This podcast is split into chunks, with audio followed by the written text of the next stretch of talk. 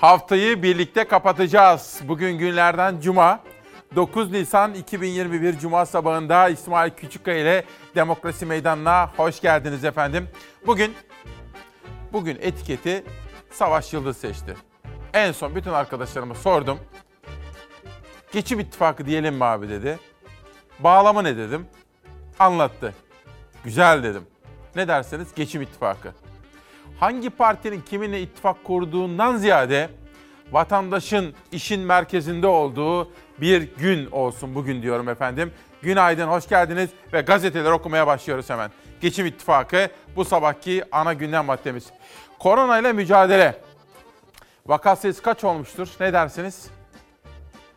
Ne 50 bin efendim? 55 binlere doğru gittik. Rekor üstüne rekor. Vaka üstüne vaka. Ama dün bilim kurulu toplantısı acaba neden yapılmadı diye de bir soru. Buyurun manşetler. Türkiye maalesef hayati konularda acı birincilikler yaşıyor. Rekor üstüne rekor. Gönül isterdi ki, aa bu da güzel etiket olurmuş ya.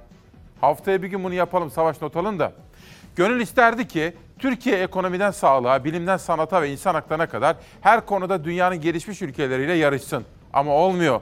Olumsuzluklarda başı çekiyoruz.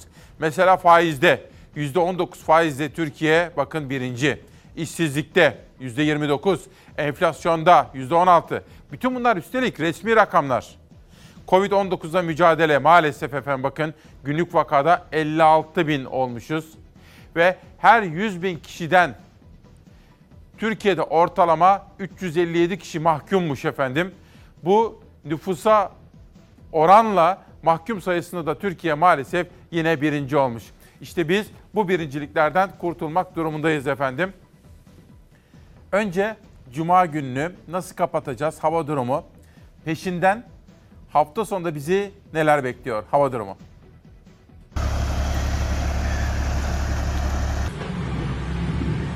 Karadeniz'de kar yağışı başladı. Bolu ve Kastamonu'nun yükseklerinden kar görüntüsü geldi. Bugün Karadeniz'in batı ve orta kesimlerinde kuvvetli yağış var. Yüksekler kar şeklinde yağış almaya devam edecek. Bugün soğuk havada kar da etkisini arttırıyor, etki alanını genişletiyor. Kastamonu'nun önce yüksek ve kırsal kesiminde zamanla şehir merkezinde etkili oldu kar yağışı. Perşembe gelen soğuk hava ancak gece saatlerinde yağışı kara çevirebildi. Fakat bugün hava daha soğuk, yağış gün içinde de kar şeklinde düşebilir Batı ve Orta Karadeniz'de. Yalnızca bugün değil, hafta sonu da Batı ve Orta Karadeniz'in iç kesimleri yoğun kar almaya devam edecek. Zonguldak ve Bolu'dan da kar yağışının haberleri gelmeye başladı. Gecenin soğuk havasıyla yağışın kara dönmesi bekleniyordu. Kocaeli'de gündüz en yüksekler beyaza bürünürken saatler ilerledikçe kar etki alanını genişletti. Bir tarafta Kocaeli, diğer tarafta Tekirdağ'da etkili olan kar İstanbul'un sınırlarına iki taraftan da yaklaştı. Tekirdağ'ın yüksekleri perşembe gün içinde beyaz örtüyle buluştu. Malkara'da kısa süreli kar yağışı zayıf da olsa bir beyaz örtü bıraktı. Gece sıcaklık daha da düştü ama Trakya üzerinde yağış bırakacak bulut kalmadı. Kırklareli ve Edirne çevrelerinde de yüksek ve kırsal kesimde beyaz örtü vardı. Bizim buralarda en son işte 96-97 yıllarında yağmıştı böyle 17 Nisan'da. Daha fazlası yağmıştı. Ama bizim burası için tabii kar bereket demek. Ee, biz alışıkız böyle zaten bizim Kocaeli köyünün bu durumlarına. Kırklareli'nin Kofçaz ve Demirköy ilçeleri ve köylerinde sabahtan itibaren beyaz örtü oluşturmaya başladı kar. Trakya'da ve Balkanlarda etkili olan yağışlarsa son günlerde Tunca ve Meriç nehirlerinde debiyi arttırdı. Tunca Nehri'nin debisi bir haftada 4 katına çıktı. Tunca'nın artan debisi için devlet su işleri sarı alarm verdi. Alarm henüz kırmızıya dönmedi ancak Ocak ayında Tunca'daki taşkın nedeniyle suya gömülen saray içinde tedirginlik başladı. Geçtiğimiz günlerde benzer bir durum da Bursa İnegöl'de yaşanmış. Derelerde kuvvetli yağmur ve kar suyu debiyi arttırmış. Boğazköy Barajı'nın kapakları açılmıştı. Pek çok tarım arazisi suya gömüldü. Elbette aşırı yağmur yağabilir. Bunlar görünür, bilinir bilimsel işler. Önemli olan bunu doğru yönetmektir. Doğru yönetemediğiniz zaman zararı çiftçi çeker. Çiftçinin zararı mutlaka giderilmelidir. CHP Bursa Milletvekili Orhan Sarıbal, açılan baraj kapakları sonucu oluşan tarımsal zararı devletin karşılaması gerektiğini söyledi. Hava durumuyla ilgili başkaca detaylarımız olacak. Ezgi Gözeger takip ediyor efendim. Sözcü gazetesinden Yeni Şafak gazetesine geçtiğim zaman işte yapmamız gereken bu. Bir soru. Sizce dün bir ay aradan sonra bilim kurulu ilk kez yüz yüze toplantı yapacaktı. Gerekiyordu. Acil önlemler almamız gerekiyordu. Vaka sayıları 55 binlere yaklaştıysa ve hatta bugün aştıysa acil tedbirler almamız gerekiyordu. Sizce neden dünkü toplantı yapılmadı? Günün sorularından birisi bu olsun ve Yeni Şafak'la devam edelim. Yasemin Asan'ın manşeti. En radikal tedbirleri alalım. Bakın hükümeti destekleyen bir grubun gazetesi bunu söylüyor. Doğru söylüyor. Covid-19'la mücadelede aylarca örnek ülke olarak gösterilen Türkiye'de son normalleşmenin ardından günlük vaka sayısı 60 bine, vefat sayısı da 300'e dayandı. Hem salgının kontrolden çıkmaması, hem can kayıplarının artmaması, hem de ekonominin tamamen felç olmaması için yeniden radikal tedbirlere başvurulması gerekiyor diyor. Bu doğru bir manşet, beklediğimiz bir manşet. Önümüzdeki hafta salı günü Ramazan başlıyor. Acaba neler yapılacak onu da konuşalım. Geçelim. Hatta Ramazan ayı ve sonrasına ilişkin hangi kararların alınması gerektiğini bugün konuşacağız efendim. Bir gün yaşatmak için hayatı durdur. Eğitimden seyahate, tarladan fabrikaya tam kapanma. Kongreler yapıldı, okullar açıldı. Yüz yüze sınavda ısrar edildi. Normalleşme denilerek kurallar devre dışı bırakıldı. Salgın kontrolden çıktı. Vaka sayısı bir ayda 5 kat arttı. Türkiye Avrupa'nın zirvesine oturdu. Halk kaderiyle baş başa. Şimdi ben günlerdir sizlere özellikle bu hafta Kayahan Pala hocamızın görüşlerinden de yola çıkarak İstanbul Tabip Odası, İzmir Tabip Odası, Samsun Karadeniz, Trabzon Tabip Odası her birinin yaptığı açıklamalardan yola çıkarak atılması gereken adımları anlatmaya çalışmıştık. Bir gün özetlemiş. Şimdi 6 maddede size bir günden okuyacağım. 1. Bir aylık tam kapanmaya geçilsin. Bir aylık. 2. Ücretli izin, maddi destek sağlansın. Kapanalım ama esnaf ve işsize, geliri kalmayana destek sağlansın. Başka ülkelerin yaptığı gibi. 3. Yaygın test ve hızlı aşı yapılsın. İzolasyon kuralları sıkı sıkıya uygulansın. 4. Tüm sağlık hizmetleri kamulaştırılsın. 5. Siyasi değil bilimsel kararlar alınsın. 6. Faturalara af gelsin, borçlar ertelensin diyor. Efendim bakın, dün altını çizmeye çalışmıştık. Kendi hayatımızda da böyledir, devletlerde de böyledir. Olağanüstü gelişmeleri her şey yolundaymış gibi karşılayamayız. Sıra dışı olaylar yaşanıyorsa sıra dışı tedbirler almak durumundayız.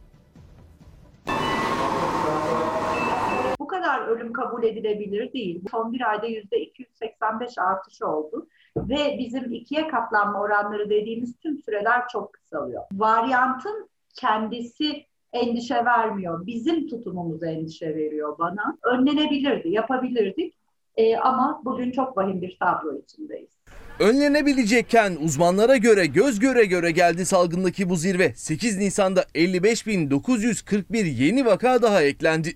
2615 ağır hasta var ve ne yazık ki yoğun bakımda yaşam savaşı veren 258 hasta daha kurtarılamadı. Bir önceki güne göre can kaybı düştü ama hala vefat sayısı çok yüksek. 7 Nisan'da kaydedilen 276 vefat sayısı salgının başladığı Mart 2020'den bu yana en yüksek can kaybı sayısıydı. Çok hızlanarak e, zirveye çıkan bir e, salgın var. Kontrolsüz bir salgın var. Daha önce hep şu benzetmeyi yapıyordum. Frenleri boşalmış bir kamyon gibi salgın kontrolden çıktı. Hangimize çarpacağını bilmiyoruz diye. Şu anda da e, biz o yokuş aşağı inen kamyonun içindeyiz artık. Sağlık Bakanı 7 Nisan tablosu karşısında olduğu gibi 8 Nisan tablosu karşısında da sessiz kaldı. Sosyal medyadan paylaşımda bulunmadı. Profesör Doktor Esin Davutoğlu Şenol'a göre yaklaşık 2 hafta önceki hareketliliği yansıtan Covid tablosundaki bu hızlı yükselişin nedeni sadece mutasyon değil. Mutasyon mudur bu, bu denli hızlı bir yükselişin nedeni? Mutasyon kontrol altına alınabilen bir gerçekliktir. Mutasyonu kontrolsüz bıraktığımız için iki hafta önce hangi kalabalıklaşmalar olduğu ise görmek ve bulmak mümkün olacak. Bugüne kadar görülen en fazla yeni vefat sayısı olarak kayıtlara geçtiği 7 Nisan tablosu. 8 Nisan tablosunda ise vaka rekoru kırıldı. Yeni vaka sayısı 56 bine dayandı. Dünyaya göre de acı bir rekor. Evet bir rekor çünkü dünyada birinciyiz şu anda nüfusa göre hesaplandığında. Avrupa e, Türkiye'yi şu anda Avrupa'nın Brezilya'sı gibi diye nitelendiriyor. Çok üzücü bütün bunlar tabii ki. Bir, bir buçuk yıllık bütün emeklerimizin boşa gittiğini hissediyorum.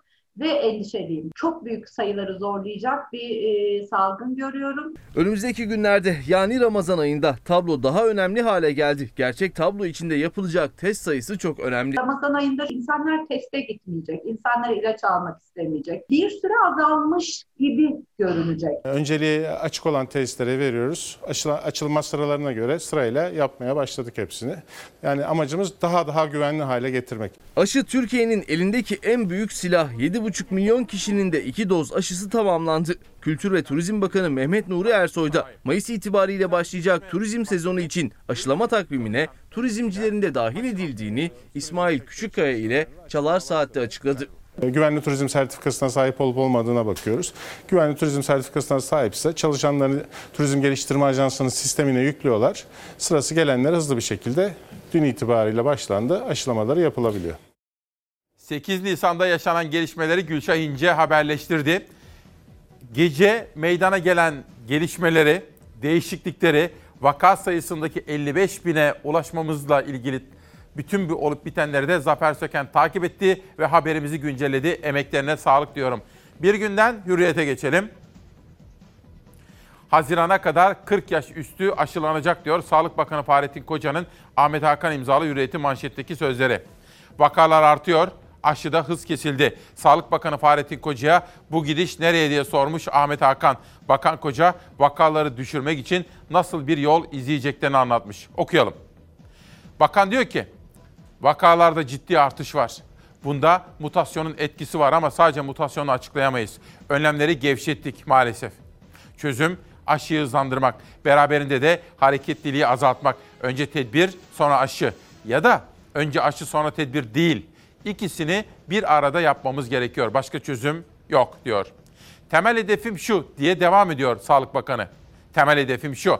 Mayıs en geç Haziran sonunda 40 yaş üstünün aşılanmasını tamamlamak. İkinci hedef şu. Temmuz'a kadar 20 yaş üstünü aşılamak. Bütün uğraşımız bu iki temel hedefi yakalamak için. Sonuç alacağımıza inanıyorum. Haziran sonu itibarıyla 40 yaş üstünü her şartta aşılayabileceğimize inanıyorum diyor Sağlık Bakanı Fahrettin Koca. Bugün 11'e kadar devam edecek bu buluşmamız içerisinde ekonomi diyeceğiz, esnaf diyeceğiz. Kod 29 Disk Genel Başkanı Arzu Çerkezoğlu SGK'nın yeni düzenlemesine nasıl tepki verdi onu da konuşacağız. Tarım, çiftçi ve çevre haberlerimiz de var efendim. Korona haberleri de yine önde gelen manşetlerimizden birisi olacak. Bir de gecenin sıcak gelişmeleri. Kızılcahamam'a geçmişler olsun diyoruz. Olay köşede bu köşede ekmek e, yapan yer vardı.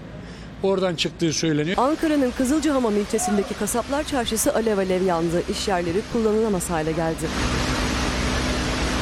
Kızılcahamam ilçesinde sabaha karşı bilinmeyen bir nedenle yangın çıktı. İtfaiye ekipleri saatlerce alevlerle mücadele etti. Çok sayıda dükkan kül oldu. Yangın söndürüldüğünde soğutma çalışmaları başladı. Kasaplar Çarşısı'nda dükkanı bulunan 26 yıllık esnaf Ahmet Dağcı, alarm çaldığında hırsızlık vakası sandığı o anları anlattı. Emniyet aradım. Hırsız geldi zannettim. Ben bilmiyorum ki yangın olduğunu. Oradakiler dedi ki siz gelmeyin dediler. Biz bakarız dediler. Biz de duramadık geldik. 10 dakika içinde geldik köşe yanıyormuştu şu. Kızılcahamam Belediye Başkanı Süleyman Acar yangın bölgesine gitti, açıklamalarda bulundu. En dikkat çekici detay itfaiye ekiplerinin yetersiz kalması oldu. Acar'a göre yangının büyümesinin sebebi itfaiye ekiplerinin sayısının az olması. İtfaiye sayısı Kızılcahamam'da yetersiz. Ee, bir itfaiye geliyor. O itfaiye de işte hortumu taktım, müdahale ettim diyene kadar belli bir süre geçiyor. Bu itfaiyenin suyu da tabii tek itfaiye olduğu için yangını söndürmeye yetmiyor. Su bitiyor. Çevre ilçelerden itfaiye bekliyoruz.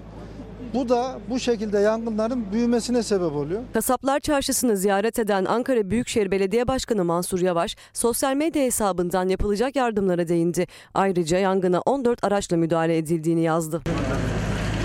Çevre ve Şehircilik Bakanı Murat Kurum da Kızılcahamam'ı ziyaret etti. Yangında mağdur olan esnafı dinleyen Bakan Kurum, küle dönen iş yerleri ve çarşıdaki hasarın giderilmesi için yapılacak yardımları açıkladı. Aile Bakanlığımızdan 300 bin lira, İçişleri Bakanlığımızdan 1 milyon lira, yine Çevre Şehircilik Bakanlığı'ndan 2 milyon lira desteğimizi esnafımıza vereceğiz. Ve esnafımızın gerek zarar ziyan noktasında gerek bu süreçten sonraki kira yardımı, taşınma yardımı noktasında süreci birlikte yürüteceğiz. Kızılcahamam'a geçmişler olsun diyoruz. Hürriyetten Cumhuriyet'e geçiyoruz. Cumhuriyet'in manşeti. Sedye bile bulamayabiliriz. Vaka sayıları rekor kırıyor. 6 büyük kentin tabip odası başkanı ile görüşmüş Sarp Sakal, Cumhuriyet Gazetesi adına ve aynı zamanda Sibel Bahçetepe bu röportajları yapmış efendim. Türkiye'de mutant virüsün etkisini hissettirmesiyle salgın endişe verici boyutlara ulaştı. Günlük vaka sayısı 55 bin sınırını aştı. Yoğun bakımlar doldu. Yeni servisler açıldı. Durumu Cumhuriyete değerlendiren tabip odası başkanları hızlı ve katı önlemler alınması gerektiğini söylüyor.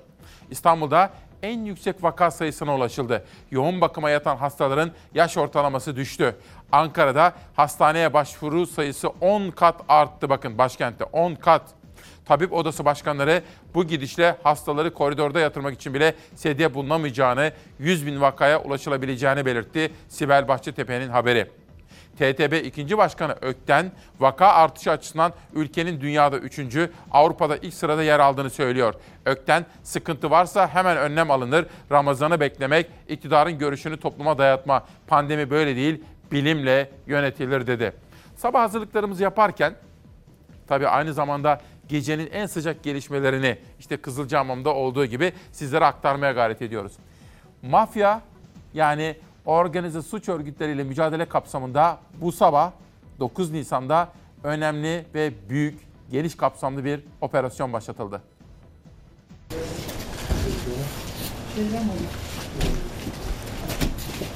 İstanbul merkezli Beşil'de organize suç örgütü operasyonu başlatıldı. 63 kişi hakkında gözaltı kararı verildi.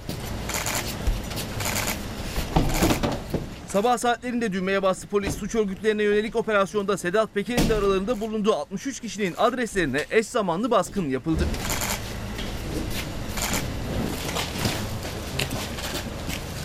Şüphelilerin suç işlemek amacıyla örgüt kurmak, nitelikli yağma, gasp, rüşvet, yaralama, tehdit, kişiyi hürriyetinden yoksun kılma gibi birçok suça karışması nedeniyle haklarında gözaltı kararı alındığı bildirildi.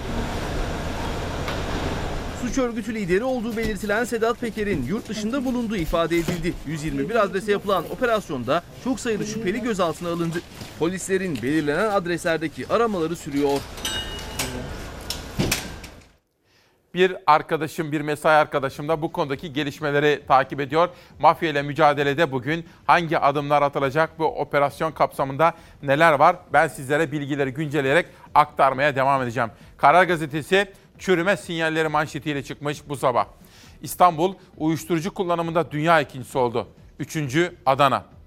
Cezaevinde en fazla mahkum bulunan ülkeler listesinin zirvesindeyiz. Bilimsel buluş ve patent başvuruları ise az gelişmiş ülkeler ligini aşamadı. Üniversitelerimizin sayısı arttı, doğru ama dünyada ilk 500'e yalnızca biri girebildi diyor. Bu da bakın çok farklı bakış açısı ve kriterler eşliğinde Türkiye'mizin durumuna ilişkin bir manşet. Bir de hani bizim takip ettiğimiz konu vardı ya Uygur Türkleri. Uygur Türkleri konusunda hassas olan liderlerden birisi kimdir diye sorsam. Evet Akşener. Doğu Türkistan'da son 5 yılda Çinliler bir eğitim merkezi kurdular. Bu eğitim merkezi vasıtasıyla büyük zulüm yapılmaktadır. 3 milyon insanı kamplarda esir tuttular. Nazi soykırımından sonra dünya böyle bir zulüm görmedi. O zulme dikkat çeken isimlerden biri de eski devlet bakanı Ali Doğan.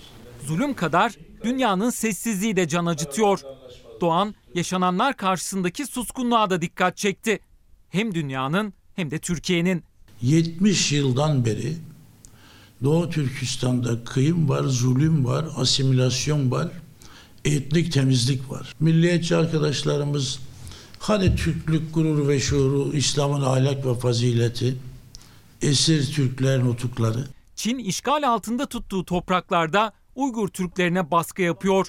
Tahminlere göre 3 milyondan fazla Uygur Türk'ü toplama kamplarında tutuluyor. Yani esir. Ağır koşullarda yaşam mücadelesi veren Uygur Türklerini hatırlatan eski Devlet Bakanı Ali Doğan, zulüm karşısında daha fazla ses yükseltilmesini istedi. Birleşmiş Milletler'in bildirisine dahi imza atmaktan imtina etti bizim ülkemiz. Bütün Müslüman ülkeler, hiçbir Müslüman ülke. Hani ümmettik?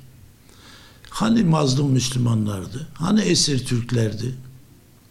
Hepsini insafa, vicdana davet ediyorum. İyi Parti Genel Başkanı Meral Akşener ise zulme karşı ses yükseltenlerden. 6 Nisan'da Akşener ve Ankara Büyükşehir Belediye Başkanı Mansur Yavaş Çin'e tepki göstermişti. Hemen arkasından Çin Halk Cumhuriyeti Ankara Büyükelçiliği'nin resmi hesabından Akşener ve Mansur Yavaş'a tehditvari bir paylaşımda bulunulmuştu. Çin Büyükelçisi Dışişleri Bakanlığı'na çağrıldı ama muhalefete göre bu göstermelik bir tepkiydi. Akşener hem iktidara hem de Çin'e daha da sert cümlelerle yüklendi. Erdoğan'ın Çin Dışişleri Bakanı ile verdiği bu pozu hatırlatarak Bizi saraydaki muhataplarınızla karıştırmayın. Cıvık cıvık sizinle çak yapacağımızı zannediyorsanız çok yanılıyorsunuz. Bu tehditler bize sökmez. Eski bir arkadaşlarının, dostlarının bir uyarısı olarak kabul etmeleri gerekir. Kendilerine gelmelerini rica ediyorum. Bu günlük suni gündemleri bıraksınlar.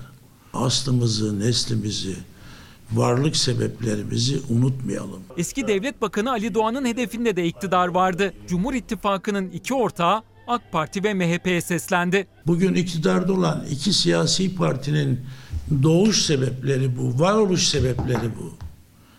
Biri mazlum Müslümanlar demiş, biri esir Türkler demiş. Hadi hükümetler böyle aymazlık yapabilir. Ama bunların tabanları nerede? Ali Doğan'ı bilenler bilecek Türk siyasetinin önemli isimlerinden biridir. Ben de Ankara'da Anavatan Partisi muhabirliği yaparken yakından çalıştığımız ve haber aldığımız bir isimdir. Bu konudaki duyarlılığı yani bu milliyetçi hassasiyetleri ta öteden beri vardır efendim. Bu arada Baran bana bir fotoğraf yollamış Diyarbakır'dan. Esnaf açık biraz sonra sizlere göstereyim onu. Bütün dükkanlarda Fox açıkmış. Diyarbakır'a da selamlarımızı söyleyelim. Bütün Türkiye'de öyle. Ha bir dakika. Geçenlerde Adem Metan Trakya'ya gitmişti ya radyocu. O da böyle bir fotoğraf yollamıştı bize Baran'ın yolladığı gibi. Trakya'da da bütün esnaf işte ama öyle şükürler olsun diyelim. Bu arada Adem Meta'nın da iki çocuğu dün korona yakalanmış. Twitter'da sabah uyanınca gördüm. Geçmişler olsun diyeyim Adem Metan kardeşime ve bu fotoğraf için de Baran arkadaşıma teşekkür ediyorum. Karardan Türk Günü'ne geçelim. Şehitlerimizle ilgili bir haber. Dün sabah saat 8'de sizlere günaydın derken ceketimin düğmelerini iliklemiştim ve bizim jenerik müziğimizi sizlere dinletmiştim. Kahramanlarımız şehit olmuştu. İkisi Suriye'de, Zeytin Dalı'nda, biri de Türk yıldızlarından şehitlerimiz vardı. İşte o haberler ilk manşetimizdi. Bugün Türk Gün gazetesinde de sür manşette. Şehitlerimize hüzünlü veda. Zeytin Dalı Harekat Bölgesi'nde terör örgütü PKK-YPG üyelerince düzenlenen hain saldırıda şehit düşen piyade uzman onbaşı Gökhan Çakır ve piyade uzman onbaşı Ahmet Akdal son yolculuklarına uğurlandı deniliyor efendim. Türk Gün Gazetesi'nde böyle. Sabaha doğru bir dönelim. Sabah gazetesinde de bir bir vefa manşeti vardı. Vefa. Vatan sevgisi. Heh. İşte bu. Ödüllü profesörün vatan sevdası. Bu da Merve Bilkay'ın haberi. Dünyanın en prestijli üniversitesi MIT'de araştırmacı olan Profesör Zahma Kıran, babasının dön ülkene hizmet et telefonuyla Türkiye'ye geldi. Büyük başarılara imza attı diyor efendim bakın. Ve ülkeme devletime güvendim. Babamın bir telefonuyla geri döndüm diyor efendim. Dün 8 Nisan'dı ya. Ne demiştik efendim? Söyleyeceğim de bir dakika aklıma bir şey geldi. Doğup büyüdüğüm Kütahya Simav'daki evimiz geldi. Bizim evimizin etrafında da Roman kardeşlerim vardı. Benim arkadaşlarım da vardı. Diyoruz ki 8 Nisan roman günüydü. İlle de roman olsun.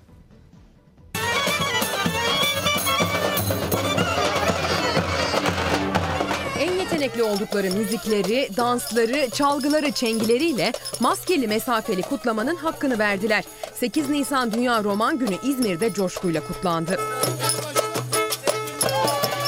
İzmir Kültür Park'ta yapıldı kutlama. Romanlar toprakta ürettiklerini ve tüm hünerlerini sergiledi kendi günlerinde. Sen de yardımcı ol da. Parmaklara dikkat amca.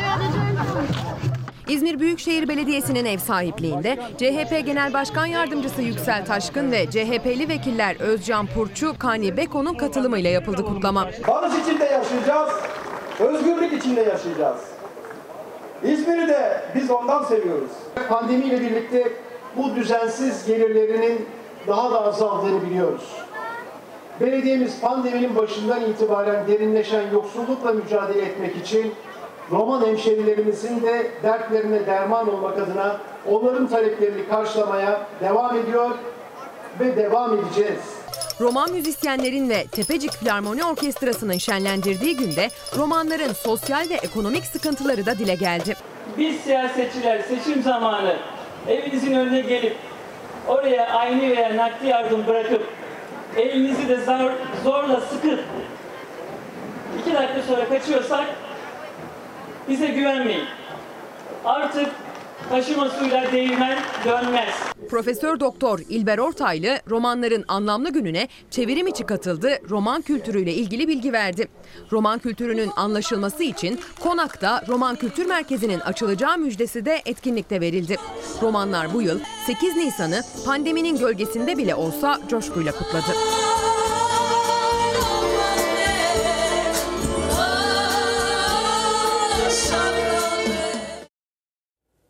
Roman kardeşlerimiz. Şimdi elimde bir yazı var.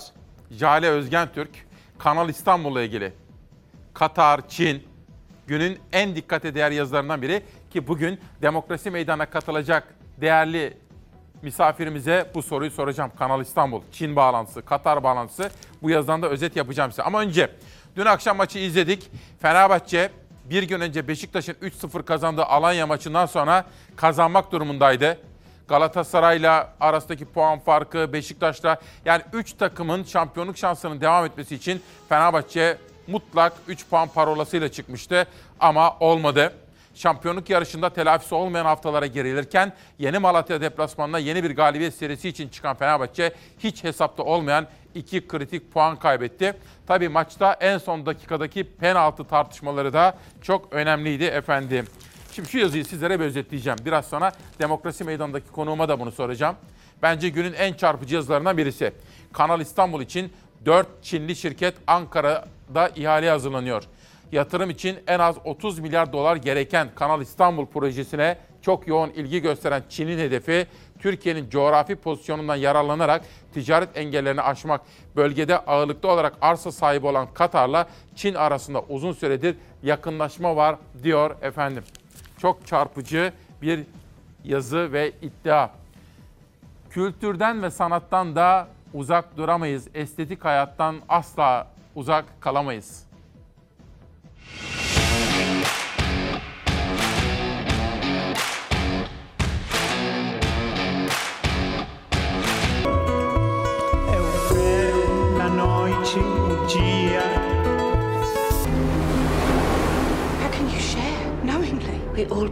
40. İstanbul Film Festivali başladı. 29 Haziran'a kadar sürecek festivalin Nisan ayı film seçkisi yayınlandı.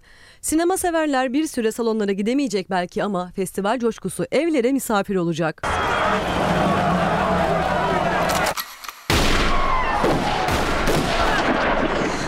İstanbul Kültür Sanat Vakfı İKSV pandemiye rağmen etkinliklerini canlı ve güçlü tutmaya devam ediyor. İstanbul Film, İstanbul Caz ve İstanbul Müzik Festivali ve İKSV'nin gelenek haline getirdiği daha birçok etkinliği 2021'de hem dijitalde hem de açık havada sanatseverlerle buluşmaya hazırlanıyor. İstanbul Film Festivali ise başladı. Nisan ayı seçkisi yayınlandı. Bir yapacağız. Çevrim içi gösterimlerin başladığı festivalde Nisan ayı seçkisini 20 film oluşturdu. Ay boyunca her perşembe, cuma, cumartesi ve pazar günü 4 farklı film gösterimi açılıyor. İKSV'nin internet sitesinden seçilen dramdan komediye, gerilimden psikolojiye birçok film son gösterim tarihine kadar izlenebiliyor. İstanbul Film Festivali'nin Nisan programı ay boyunca çevrim içi gösterimde olacak. Mayıs ve Haziran aylarında ise çevrim içi gösterimlerin yanı sıra açık hava sinema salonlarında da gösterimlerin devam etmesi planlanıyor. Bakın Arzu Hanım ne diyor? Haberi okudunuz ya diyor. Bence diyor iktidar Kanal İstanbul'u Çin'e yaptırmak istiyor. O nedenle Çin'in Uygur zulmüne, mezalimine sessiz kalıyor diyor.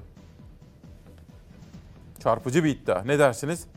Bu arada Naciye Türk annem Trakya'dan, Çorlu'dan şehidimizle ilgili bir fotoğraf göndermiş bize efendim. Bugün şehidimizin ölüm yıl dönümüymüş. Sizlere daha evvel söylemiştim.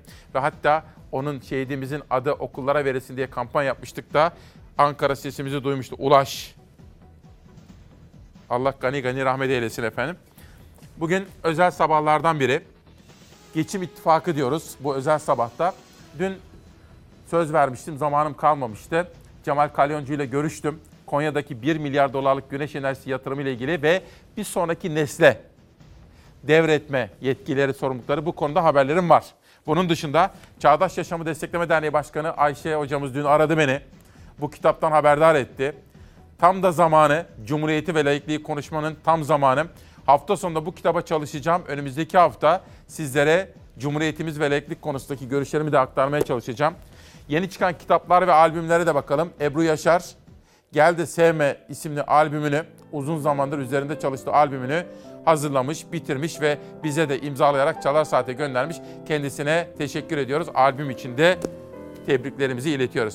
Efendim bir fincan sade kahve içip huzurlarınıza döneceğim. Günaydın efendim, hoş geldiniz. Günün adı şu. 9 Nisan 2021 Cuma sabahında İsmail Küçükkaya ile Hakikat Yolculuğu.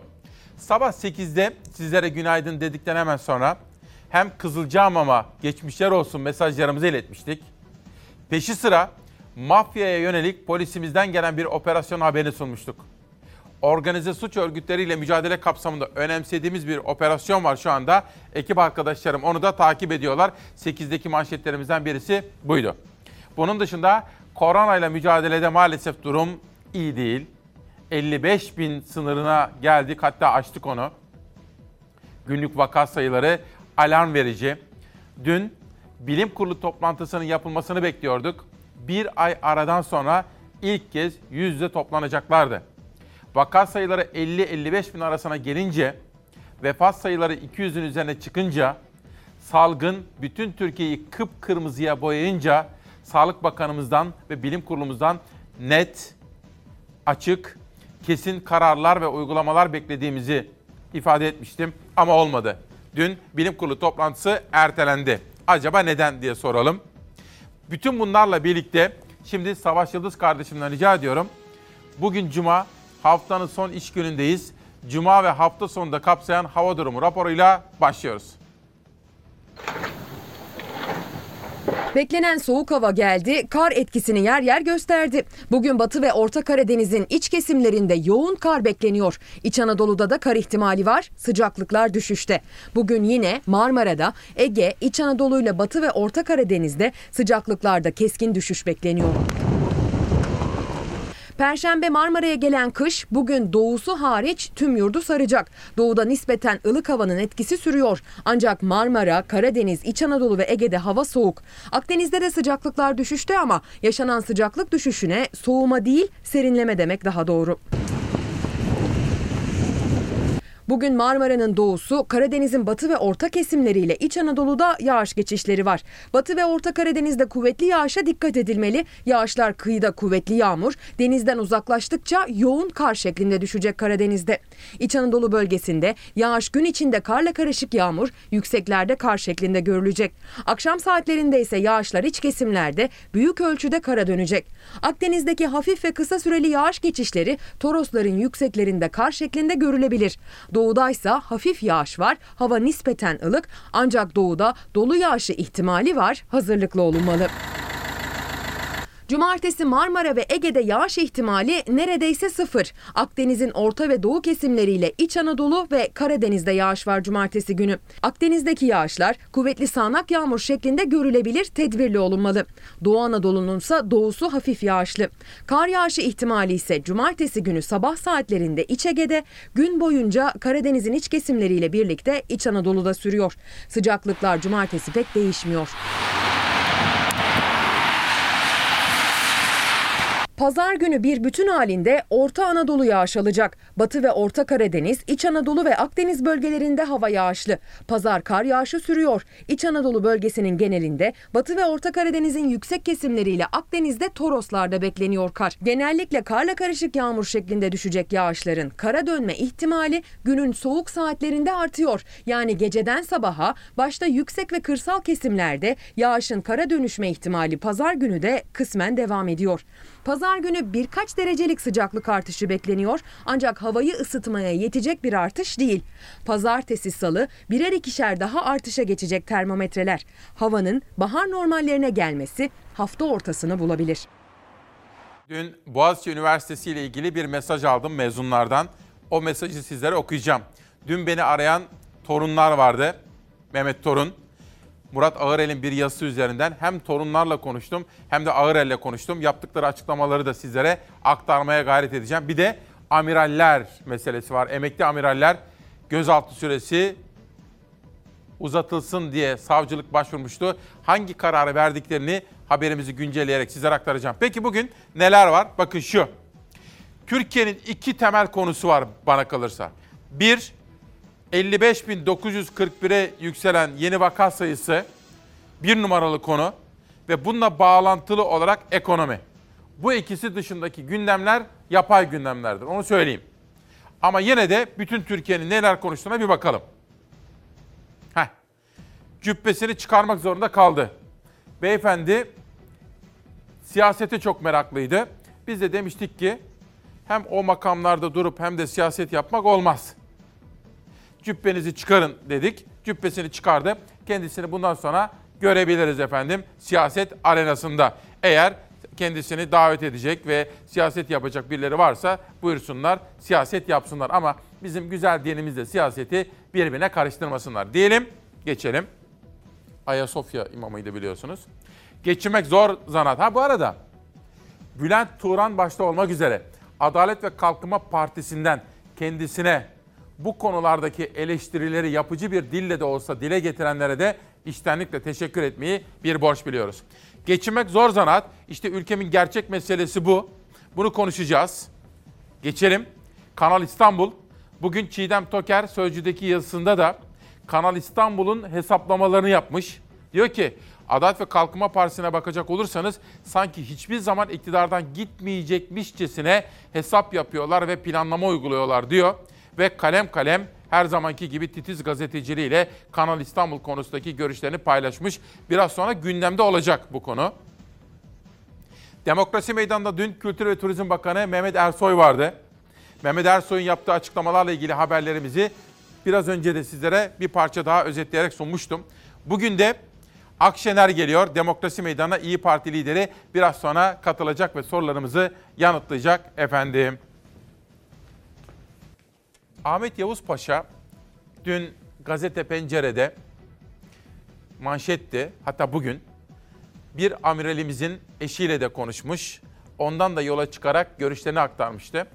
Dünde kalan bir haber vardı. Hatta tam ana haberimiz sırasında da gözaltının gözaltının 4 gün daha uzatılmasına ilişkin savcılığın başvurusu haberi vardı. Gece bu konuda sıcak bir gelişme yaşandı. Biz de takip ettik. Bu emekli amiraller ne yazık ki talimatı kendi başkomutanları Kılıçdaroğlu'ndan alıyor. Darbeci akrabası arıyorsan ben sana söyleyeyim. 251 kişinin katili olan darbecinin kardeşini büyükelçi tayin etmedin mi? Cumhurbaşkanı Erdoğan'ın Montreux bildirisine imza atan 104 emekli amiral için başkomutanları Kılıçdaroğlu ifadesi, Kılıçdaroğlu'nun seni gidi algıcı seni başlığıyla yaptığı paylaşım siyasette bildiri tartışması sürerken 5 Nisan'da gözaltına alınan 10 emekli amiral için gözaltı süresi 4 gün uzatıldı. Darbe imasıyla başlatılan soruşturmada 10 emekli amiral gözaltına alınmış, 4 emekli amiral ise ileri yaşları nedeniyle sadece ifadeye çağrılmıştı. Soruşturma kapsamında emekli amirallerin el konulan bilgisayarları, cep telefonu verileri mercek altına alındı. Konuşmalar, yazışmalar, mesajlaşmalar inceleniyor. Muvazzaf askerlerle bir bağlantıları olup olmadıkları da. İlk incelemede muvazzaf askerlerle bir bağlantıları olmadığı tespit edildi. Bu 104 kişinin içerisinde Cumhuriyet Halk Partisi'nin üyesi olan kendisi, karısı, yeğeni, oğlu, şusu busu olanlar var. Bunları da yakın zamanda yazılı ve görsel medya- medyada göreceksiniz. Havuz medyasını yeteri kadar kullanamıyorlar çünkü itibarı yok. Bir parça itibarı olan Hürriyet gazetesi üzerinden bu sefer Cumhuriyet Halk Partisi'ne saldırmaya başladılar. Cumhurbaşkanı Erdoğan yakında medyada göreceksiniz dedikten birkaç saat sonra Hürriyet gazetesinin internet sitesi emekli amirallerden bazılarının akrabalarının isimlerini yayınlamış, CHP üyesi olduklarını haberleştirmişti. Kılıçdaroğlu'nun sert fişleme tepkisi sonrası Hürriyet gazetesi genel yayın yönetmeni Ahmet Hakan özür diledi. Bu 104'ün içerisinde şu anda CHP üyesi olanlar vardır. İncelemeler devam ediyor. Karısı, yengesi, emmisi, dayısı oradan ulaşmaya çalışıyor. Ey Tayyip Erdoğan bu hesap yaparsan senin Tarım Bakanı'nın kardeşi FETÖ'den hapiste. Kardeşi sende bakan bakan. Cem Gürdeniz benim için çok değerli bir isimdir. Ben görevdeyken onun emrinde çalıştım. Cem Gürdeniz'e yönelik iddialar, ithamlar doğru değildir. Mavi vatan kavramını ilk kez ortaya atan gözaltındaki emekli amiral Cem Gürdeniz'e destek açıklaması geldi. Milli Savunma Bakanlığı'nı yalanlayan Türkiye Emekli Subaylar Derneği'ne de müfettiş gönderildiği ortaya çıktı.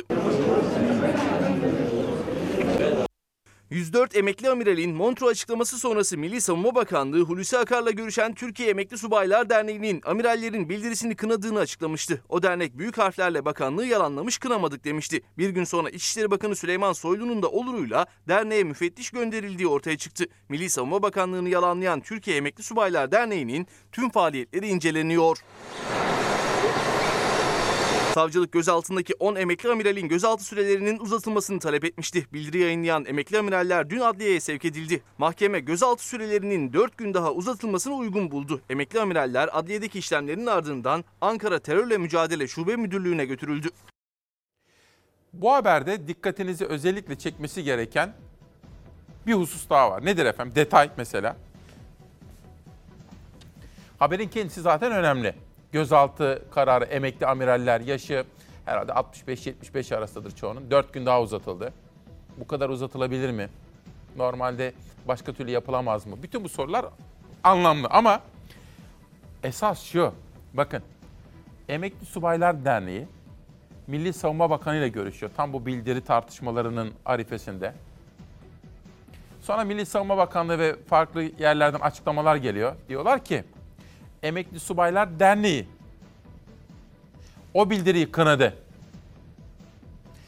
Bu açıklamalar gelince Milli Savunma Bakanlığı'ndan Emekli Subaylar Derneği de diyor ki kocaman kocaman yazmışlar. Bizim böyle bir demecimiz olmadı. Yani biz o bildiriyi kınamadık diyorlar. Bu açıklamayı yaptı ya.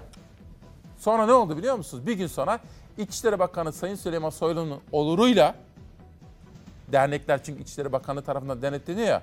Hop Emekli Subaylar Derneği'ne denetim başlamış efendim.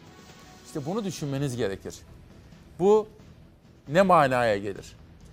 Yaşadığımız ve çok sevdiğimiz ülkemizin, devletimizin durumu ile ilgili bize hangi mesajı vermektedir? Bu soru anlamlı. Şimdi Tijen Hanım bana bir mesaj atmış. Önemli diyor. Haber değeri olduğunu düşünüyoruz diyor. Boğaziçi mezunlar olarak Boğaziçi'li mezunlar olarak akademisyenlerimizin rektör atamasının iptal talebiyle Danıştay'a açtıkları davayla ilgili müdahillik dilekçemizi avukat Can Atalay aracılığı ile bu sabah Danıştay'a ileteceğiz. Ayrıca Güney Meydanı'nda yani 9 Nisan bugün 12.45'te de basın açıklamamızla bu hukuki başvurumuzu dile getireceğiz diyor efendim Boğaziçi de meydana gelen olaylarla ilgili. Yani Boğaziçi'li mezunlar da bugün o davaya müdahil olacaklarmış, başvurusunda bulunacaklarmış. Cumhuriyet. Mutfaktaki yangın büyüdü. Pazarda tezgah açan da, alışveriş yapan da isyanda. Halk peyniri gramla alıyor. Dün gündem çalışmamızı yaparken Nihal Kemaloğlu dedi ki peynirin kilosu ne kadar oldu farkında mıyız dedi. Peynirin kilosu. Sonra gündem çalışmamı bitirdim. Bütün hazırlıklarımızı arkadaşlarım işte Savaş, Zeray, bütün ekip arkadaşlarımıza yolladım. Sonra Zeray'la da gazete üzerine konuştuk. Kod 29. Bakın bir tarafıyla işsizlik, peynir fiyatları almış başını. Sadece peynir değil, gıda fiyatlarındaki enflasyon. Ali Babacan ne demişti hafta başında? Enflasyon rakamları kötü ama alt kırılımına baktığım zaman yani daha detaylı incelediğim zaman dedi. Gıda fiyatlarının almış başını gittiğini görüyorum dedi. Bir bu. Bir de Çalarsat gazetesinde kod 29'dan dolayı işinden olan 176 bin kişiyle ilgili haberler. Disk Başkanı dün SGK'nın yaptığı düzenlemenin sonucu değiştirmeyeceği iddiasında efendim. İşte bakın bunlar Türkiye'nin gündemi. Ama sorarım size. Başka televizyonlarda bunları konuşuyorlar mı? O tartışma programlarında. Nerede? Nerede? Tarım ve üretimin bitirildiği ülkede yurttaş pazarda aldığı malı korka korka tarttırır oldu. Denizli Tavas'ta esnaf ziyareti yapan CHP'li Gülizar Biçer Karaca'nın uğradığı tezgah sahibi Necati Önür, insanlar gramla 5 liralık peynir alıyor. İçinden çıkılmaz bir haldeyiz. Kimse borcunu ödeyemiyor diye yakındı. Bu Cumhuriyet'ten.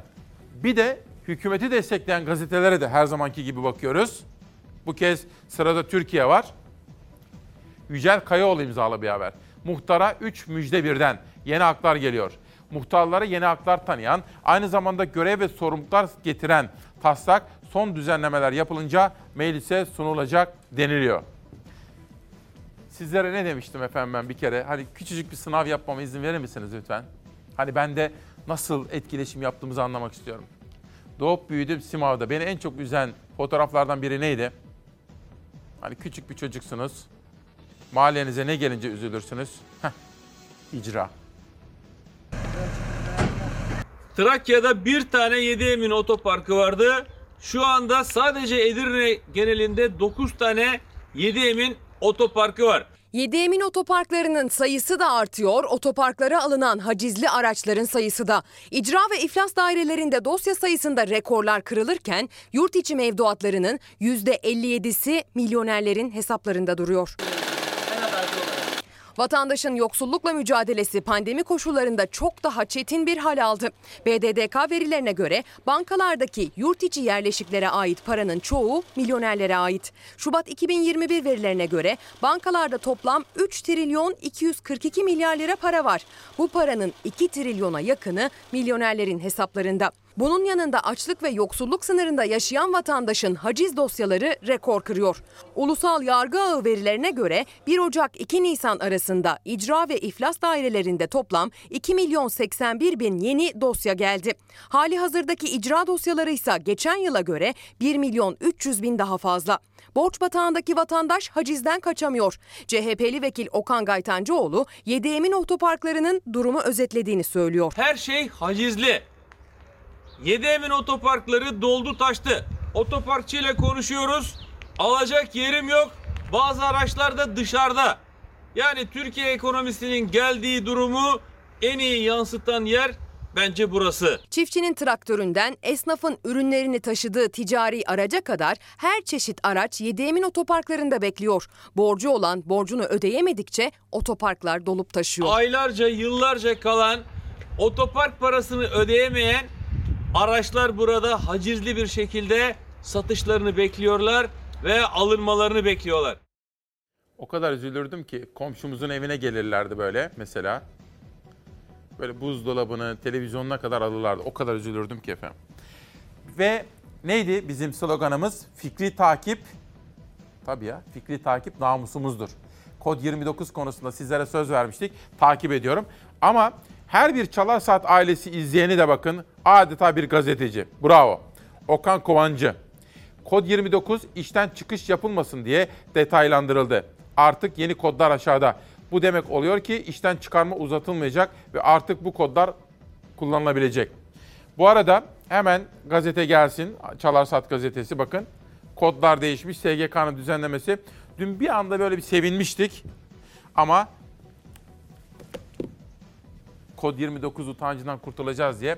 Ancak Disk Genel Başkanı Arzu Çerkezoğlu maalesef diyor sevinmeniz boş yere diyor. Çünkü o düzenleme mevcut fiili durumu değiştirmeyecek diyor. Bugün Orkun Özgül böyle bir gazete çizdi. Bakın ne değişti diye soruyoruz. Savaş rica etsem dün akşam ana haberimizde vardı bunun haberi. Onu bir çekelim olur mu? Çok önemli bir haberdi. Ve o haberin içinde hem SGK'nın düzenlemesi vardı hem Arzu Çerkezoğlu'nun sözleri vardı. Efendim şimdi bu haberi sabahın zihin açıklığı içinde detaylı olarak izlemenin, düşünmenin zamanı.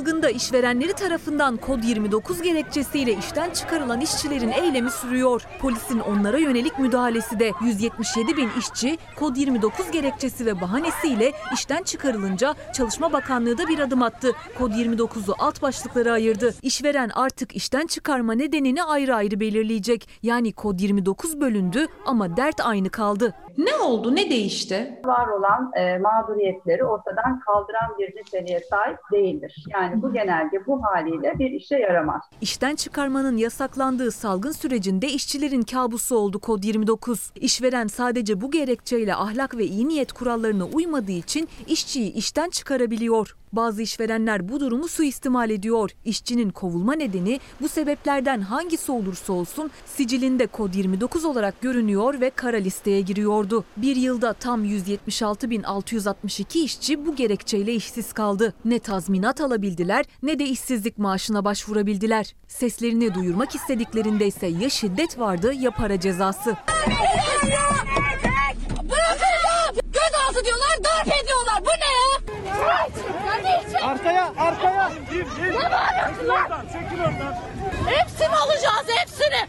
Bizden çaldığınız her şeyi alacağız. Karaman'da hakkını aramaya çalışan işçiler polise göre gürültü yapıyordu. Para cezası kesildi onlara. Bunu da tüm Türkiye'ye izleteceğim sizin bu yaptığınızı. Tamam teşekkür ediyorum.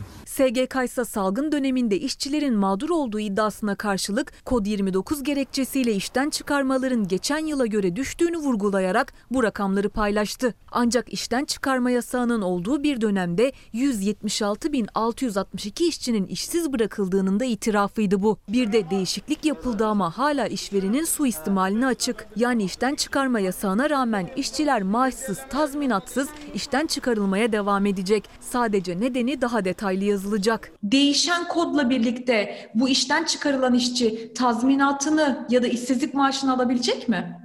Hayır, uygulamada bir değişiklik söz konusu değil. Bu işten çıkarma biçimi bu haliyle devam ettiği sürece mağduriyetler ortadan kalkmaz. Yine bu maddeden işten çıkartılmış olacak işçiler.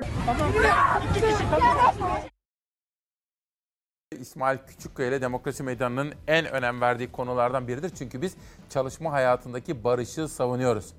Bugün yönetmen koltuğunda Savaş Yıldız ve Hilal Orhun var. Dönüşümlü olarak birbirlerine de yardımcı oluyorlar. Sabah etiketi bütün ekip arkadaşlarımla, dün de danışmanımla konuştum. En son Savaş'ın yanına gittim. Savaş dedim ne olsun? Şöyle bir düşündük bugün neydi gündemimiz? Şuydu buydu korona, ekonomi. Abi dedi Saadet Lideri Geçim İttifakı diye etiket aç dedi. Ha? Geçim İttifakı. E olsun dedik. Yani bugünün manşetini Milli Görüş'ten aldık. Altında da Savaş Yıldız'ın imzası var. Dün beni Mehmet Torun aradı. Sizlere Murat Ağırel'in Sözcü'deki bir yazısını okumuştum. Torunların da Kanal İstanbul arazisinde yani Kanal İstanbul bölgesinde arazi sahibi olduğunu belirtiyordu. Torunlar aradı dün. Hatta Murat Ağırel'le de konuşmuşlar. Murat Ağırel'in elinde 3 ayrı tapu var. Ama Aziz Torun açıklama yapıyor. Diyor ki biz diyor o arsayı yani 3 ayrı tapudaki 60.832 metrekare büyüklüğündeki 3 ayrı arazi Kanal İstanbul projesinin henüz gündemde olmadığı 2008 yılında alınmıştır diyor. Yani aslında çok daha önce o zaman diyor Kanal İstanbul falan yoktu diyor ki bizim arazimiz diyor Kanal İstanbul'a da çok çok uzaktır diyor. Söz hakkına, açıklama hakkına saygı gereği torunlardan gelen bu açıklamayı sizlere sunmuş oldum. Savaş şu milli görüşle ilgili şeyi etiketin hikayesini hazırlasana.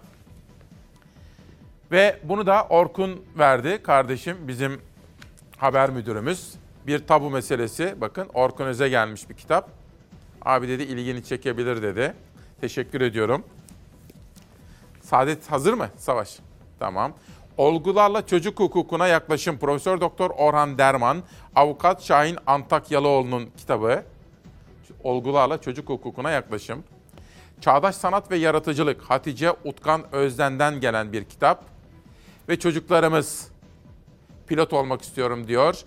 Alp Türkbiner'in resimleriyle eğitim bilimci Mürüvvet Adalı Uygun Yağmurcu. Ve işte bugünkü manşetimizin, etiketimizin hikayesi. Saadet Partisi'nin açıklamaları bir yeşil ışık yaktı mı? Asgari ücretle tencere kaynar mı? Cumhur İttifakı'nda yer alacak mı? Marketi zor denk getiriyoruz. Geçim şartları zor. İttifak yapar mı? Ve hayat pahalılığı var. Siyasetin gündeminde yine ittifaklar var. Kirayı veremiyor. Elektriği zor ödüyor. Vatandaş neyle geçinsin? Geçinemiyoruz tabii. Acından ölüyor emekli. Cumhur İttifakı'na katılır mı? Kredi borcu olduğu için geçinemiyor, açlık sınırında. AK Parti ile Saadet Partisi arasında ittifak konusu. Gelir dağılımında adaletsizlik var. Millet İttifakı'ndan ayrılıyor mu? Türkiye'deki herkes gibi geçim sıkıntısı çekiyoruz ister istemez. İttifaklar seçim saati mailine girdikten sonra gündeme gelir ve konuşulur. Hayat pahalılığına, adaletsiz gelir dağılımına, üretmeyen ekonomiye, işsizliğe, ağır vergilere hayır diyen herkesle, hepimizin gerçek gündemi için. Geçim İttifakı. Hepimizin gündemi aynı. Yani o parti, bu parti, bu ittifak bize ne? Ama biz geçim ittifakı diyoruz. Yani memleketin genel durumu düzelsin. Özellikle ekonomik anlamda diyoruz. Bir kriz var efendim. Avrupa ile Türkiye arasında nedir? Hayır o koltuk krizi ayrı. Onu sizlere sunmuştuk. O Cumhurbaşkanlığından, Dışişleri Bakanlığından açıklamalar geldi. Avrupa Birliği'nden geldi. Avrupa'nın kendi içindeki bazı güç savaşlarıyla da ilgisi olduğu söyleniyor. O değil. Yeni bir kriz. İtalya'dan. Şöyle, İtalya'nın yeni başbakanı hatta geçtiğimiz günlerde Sayın Erdoğan'la da bir konuşması olmuştu. Şöyle diyor, Erdoğan için bir kelime kullandı. Ben o kelimeyi burada kullanmayacağım. Kendisi atanmış bir kişi. Nitekim bu özelliğine de vurgu yapıyor bizim başkentimiz. Fakat o kullandığı kelime bir krizi tetikledi. Fakat kişi diyor ki İtalya'nın başbakanı, atanmış başbakanı bizim Cumhurbaşkanımızla ilgili o kelimeyi kullandıktan sonra diyor ki ama diyor öyle bile olsa biz onunla konuşmak durumundayız, anlaşmak durumundayız. Çözmemiz gereken sorunlar var diyor. İtalya ile Ankara arasında daha doğrusu Roma ile Ankara arasındaki yeni kriz. Atanmış İtalya Başbakanı Draghi'nin kabul edilemez popülist söylemini ve seçimle göreve gelmiş Cumhurbaşkanımız hakkındaki çirkin ve hadsiz ifadelerini kuvvetle kınıyor ve kendisine iade ediyoruz. İtalya'nın atanmış başbakanı Türk halkının %52 oy oranıyla Cumhurbaşkanı olarak seçtiği Sayın Recep Tayyip Erdoğan'a diktatör diyerek haddini aşmıştır. İtalya Başbakanı'nın Cumhurbaşkanı Erdoğan'a yönelik çirkin sözleri Ankara'yı ayağa kaldırdı. İtalya'nın Ankara Büyükelçisi Dışişleri Bakanlığı'na çağrıldı. Hadsiz ve çirkin ifadelerin derhal geri alınması istendi. Salı günü Avrupa Birliği temsilcilerini ağırladı Cumhurbaşkanı Erdoğan. Michel ve von der Leyen'i kabul sırasında protokol düzeniyle ilgili tartışmalar çıktı. Tartışmalara son noktayı Avrupa Birliği Konseyi Başkanı Michel koydu. Bir sorun ya da kasıt yok dedi ama İtalya Başbakanı Michel'in sözlerine rağmen Türkiye'yi hedef aldı. Avrupa Birliği Konseyi Başkanı Michel protokol düzeninde Türkiye'den kaynaklı bir sorun veya kasıt olmadığını açıklamışken İtalya'nın atanmış Başbakanı Draghi'nin Cumhurbaşkanımıza yönelik sözleri hadsiz ve mesnetsizdir. İtalyan Başbakan Draghi'nin Erdoğan'a yönelik hadsiz sözleri Türkiye'nin tepkisini çekti. Derhal İtalya'nın Ankara Büyükelçisi Dışişleri Bakanlığı'na çağrıldı. Bakanlık Draghi'nin Cumhurbaşkanı Erdoğan'a yönelik hadsiz ve çirkin ifadelerini derhal geri almasını istedi. Bu ifadeyi kınıyor ve behemahal düzeltmesini bekliyoruz. Ankara'dan Draghi'ye tepki sesleri yükseldi. Diplomaside yeri olmayan bu üslubu şiddetle kınıyoruz. Diktatör arayan Mario Draghi İtalya tarihine baksın. Bugün Geçim İttifakı dediğimiz özel sabahtayız efendim. Alman Başta Almanya'da ki olmak üzere Hollanda, Belçika, Fransa, bütün Avrupa'daki ve dünyadaki gurbetçilerimizi de buradan bir sevgiyle selamlayalım efendim. Almanya'nın gazetesi Der Tagesspiegel, Almanya'da merkezi yönetimle yerel hükümetler arasındaki güç savaşlarından bahsediyor. Korona ile mücadele kapsamında iki yönetim biçimi arasındaki güç savaşları ile ilgili haberler manşetlerde. Merkel'in şu anda gerçekte gücü ne kadardır diye bir soru gündeme geliyor Der Tagesspiegel'de. Financial Times gazetesine geçtiğimizde ABD Başkanı Biden'ın küresel çapta bakın küresel çapta bir yeni vergilendirme planından bahsediliyor ve özellikle uluslararası şirketlerin küresel ölçekteki şirketlerin içinden geçmekte olduğumuz bu zorlu dönemde vergi ile bu zorlu dönemin aşılmasına katkı vermesi konusunda bir planlama. Sırada dünyada korona ile ilgili yaşanan gelişmelerin haberi var ki o haberin altında da Beyza Gözeyik imzası göreceğiz. Brezilya'da 24 saatte görülen ölümler haftalardır 4000'in üstünde. Ülkede Covid-19'un daha önce görülmemiş mutasyonunun daha bulaşıcı ve ölümcül olduğu öngörülüyor. Avrupa İlaç Ajansı AstraZeneca'nın kan pıhtılaşma yan etkisini onayladı ancak aşının kullanımının durmamasını tavsiye etti. İtalya'da yan etki gerçeğine rağmen aşının uygulaması hızlandı. Virüste temas 135 milyona dayandı. Dünya genelinde can kaybı 3 milyona tırmandı. Almanya, Fransa ve İtalya'da günlük vakalar hızla artıyor. Aşı uygulaması oldukça yavaş seyrederken Almanya'da Fransa gibi kapanma hazırlığına girdi. Almanya aşı anlaşmalarından iyi bir sonuç elde edemedi. Uygulama yavaşladı. Merkel Putin'le görüşmesi sonrası Sputnik aşısında yeşil ışık yakınca vakaların en yüksek olduğu Bavyera eyaleti 2,5 milyon doz Rus aşısı için ön sözleşme imzaladı. AstraZeneca aşısının 30 yaş altında kullanımı İngiltere'de de durdu. Avrupa ülkelerinde ise aşı 60 yaş üstüne uygulanıyor. Kanda pıhtılaşma riski nedeniyle insanlarda korku yaratan aşının kullanımı İtalya'da hızlandı. Aşı sonrası kanda pıhtılaşma görülen vakaların beyaz kan hücreleri düşük insanlar olduğu, dolayısıyla bu riskin nadir gerçekleştiği açıklandı.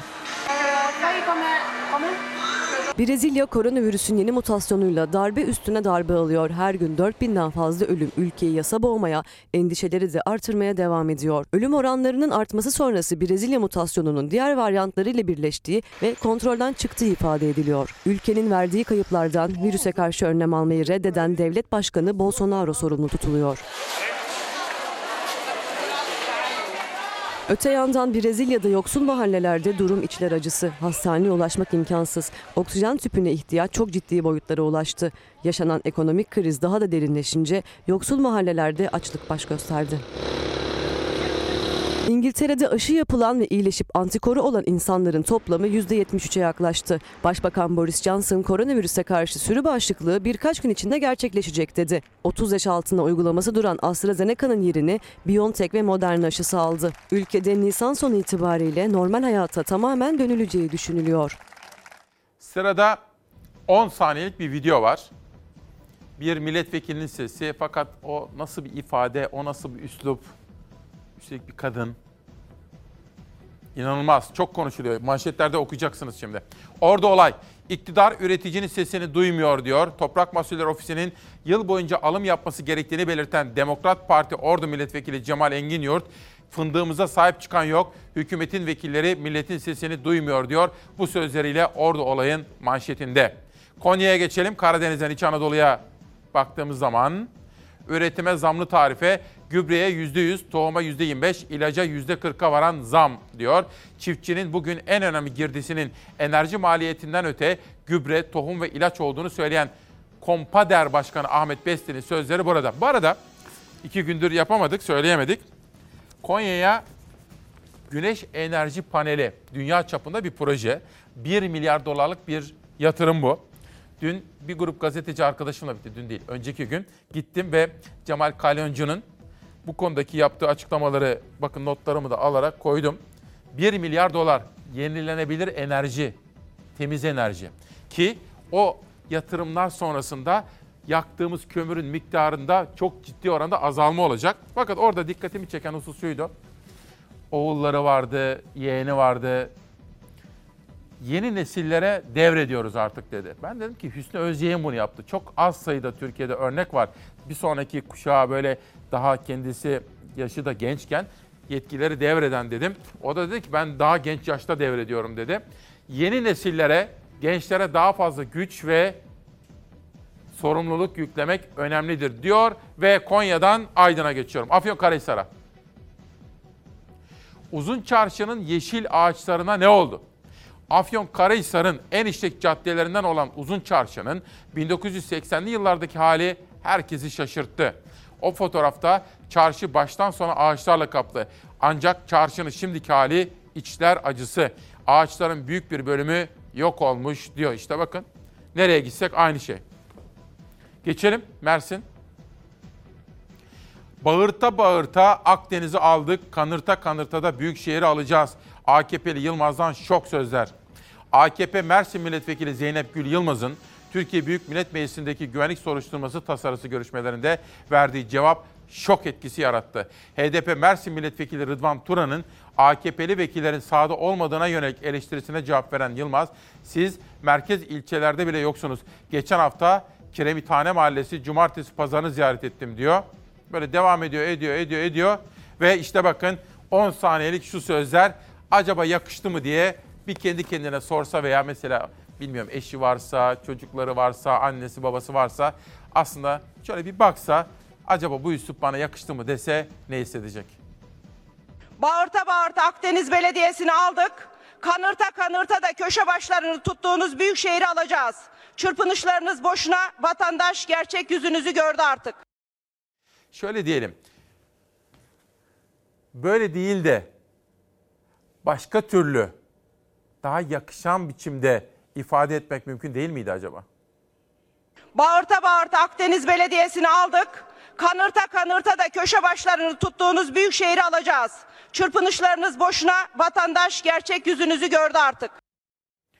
Sırada bir de eğitim haberi var ama efendim bakın bu kitap böyle bir kitap hiç görmemiştim. Bu bu şekilde yapılan Tevfik Serhan Bora bakın şöyle. Çünkü bu görme engelli kardeşlerimiz için Braille alfabesiyle yazılmış efendim. İlk defa böyle bir kitap geldi. Ben daha önce birkaç farklı uygulamadan bahsetmiştim ama kendilerine çok teşekkür ediyorum. Bir kitap tanıtımı daha yapalım. Ondan sonra eğitim konusuna geçeceğiz. İş hayatı Osman Dal'dan gelmiş sorular cevaplar ve Veda Beşgül Kusur'un en sevdiğim eğitim korona. İller kendi durumlarını dikkate alarak e, o ilin ihtiyacı neyse ona göre bir karar verme sürecini il hıfzı kurulları vasıtasıyla, marifetiyle de hayata geçiriyorlar. Kabine toplantılarında Sayın Cumhurbaşkanımızın başkanlığında e, tümüyle değerlendiriliyor. Önümüzdeki e, haftada e, bu tür bir değerlendirme Cumhurbaşkanımızın e, başkanlığında e, hayata geçecek. Okulların hep açık olmasını isteriz. Ama önce sağlık dediğimizde Türkiye dünyada en, En çok okul kapatan dördüncü ülke. Önümüzdeki süreçte vakaların artması, Sağlık Bakanlığımızın e, bu konudaki çalışmaları, bilim kurulunun önerileri, e, bütün bunları toplamsal olarak değerlendirdiğimizde elbette bazı kararlar çıkabilir. Ama bizim gönlümüz, altını çizdiğiniz için söylüyorum, bizim gönlümüz tabii ki açık olması okullar. Öğretmenlerle ilgili de ilk önce köy okullarından başlamak üzere ki köy okullarındaki öğretmenlerimiz ağırlıklı olmak üzere öğretmenlerimizin yaklaşık yüzde onu bunların içinden eee Covid geçirenler hariç olmak üzere aşılandı. 1 milyon 259 bin öğretmenin e, öncelikli olarak köy okullarından başlamak üzere e, sıraladığımız, tanımladığımız öğretmenler var. Köy okullarındaki öğretmenlerimizin seyahat e, süreleri ya da seyahat imkanları kısmi olarak farklılık arz ediyor diğer öğretmenlerimize göre. Sadece bazen aşının gelmesinde gecikmeler olduğu için e, bu gecikmeler öğretmenlerin aşılanmasında da söz konusu olabiliyor. Ama hemen önümüzdeki günlerde bunun hızla artacağını söyleyebilirim ve 125 bin öğretmenimizin hemen e, tekrar aşılanacağını da burada ilk defa söylemiş olayım. Bu- İzmir'den depremzede arkadaşlarımızdan, vatandaşlarımızdan Deniz Cengiz diyor ki kentsel dönüşüm kredisinin yanında kira yardımı verilmeli. Çoğumuz emekliyiz. Emekliyiz. Biz bunları ödeyemeyiz diyor. Orta hasarlı evlerine giremeyen bizler Dünya Bankası kredisinin olumlu haberler bekliyoruz umutla.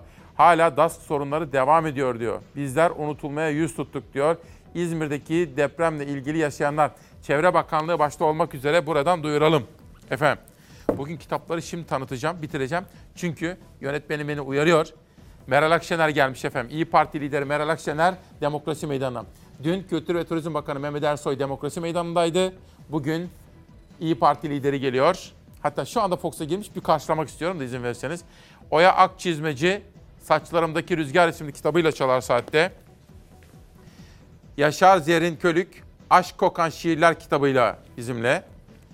Doktor Ertuğrul Selçuk Güldüler Kamuda Etiği Yeniden Düşünmek. Ömer Faruk Çolak Ekonomide Masallar Gerçekler. Herkes bir ömürde iki hayat yaşar. Canan Yaşar'dan gelmiş. Ve Ankara'nın deneyimli gazetecilerinden Ercan abimiz Ercan Deva Kahkahayı Patlatın isimli kitabını yazmış ve bize göndermiş. Efendim izin verirseniz Meral Akşener'i İyi Parti liderini karşılayacağım, huzurlarınıza getireceğim. Bir kez daha günaydın, bir kez daha hoş geldiniz efendim. Günün adını beraber koyuyoruz. 9 Nisan 2021 Cuma gününde İsmail Küçükkaya ile Demokrasi Meydanı'nda İyi Parti Genel Başkanı Sayın Meral Akşener konuğumuz ve kendisine hoş geldin diyoruz. Hoş, Hoş geldiniz. bulduk. Nasılsınız? Hoş bulduk. İyiyim, teşekkür ederim. Siz de iyisiniz. Sağ olun, biz de iyiyiz. Çok teşekkür. Çok zarifsiniz her zamanki Çok gibi. teşekkür ederim, Çok sağ olun. Çok teşekkür ederim. Şimdi efendim bugün bir şey söyleyeceğim.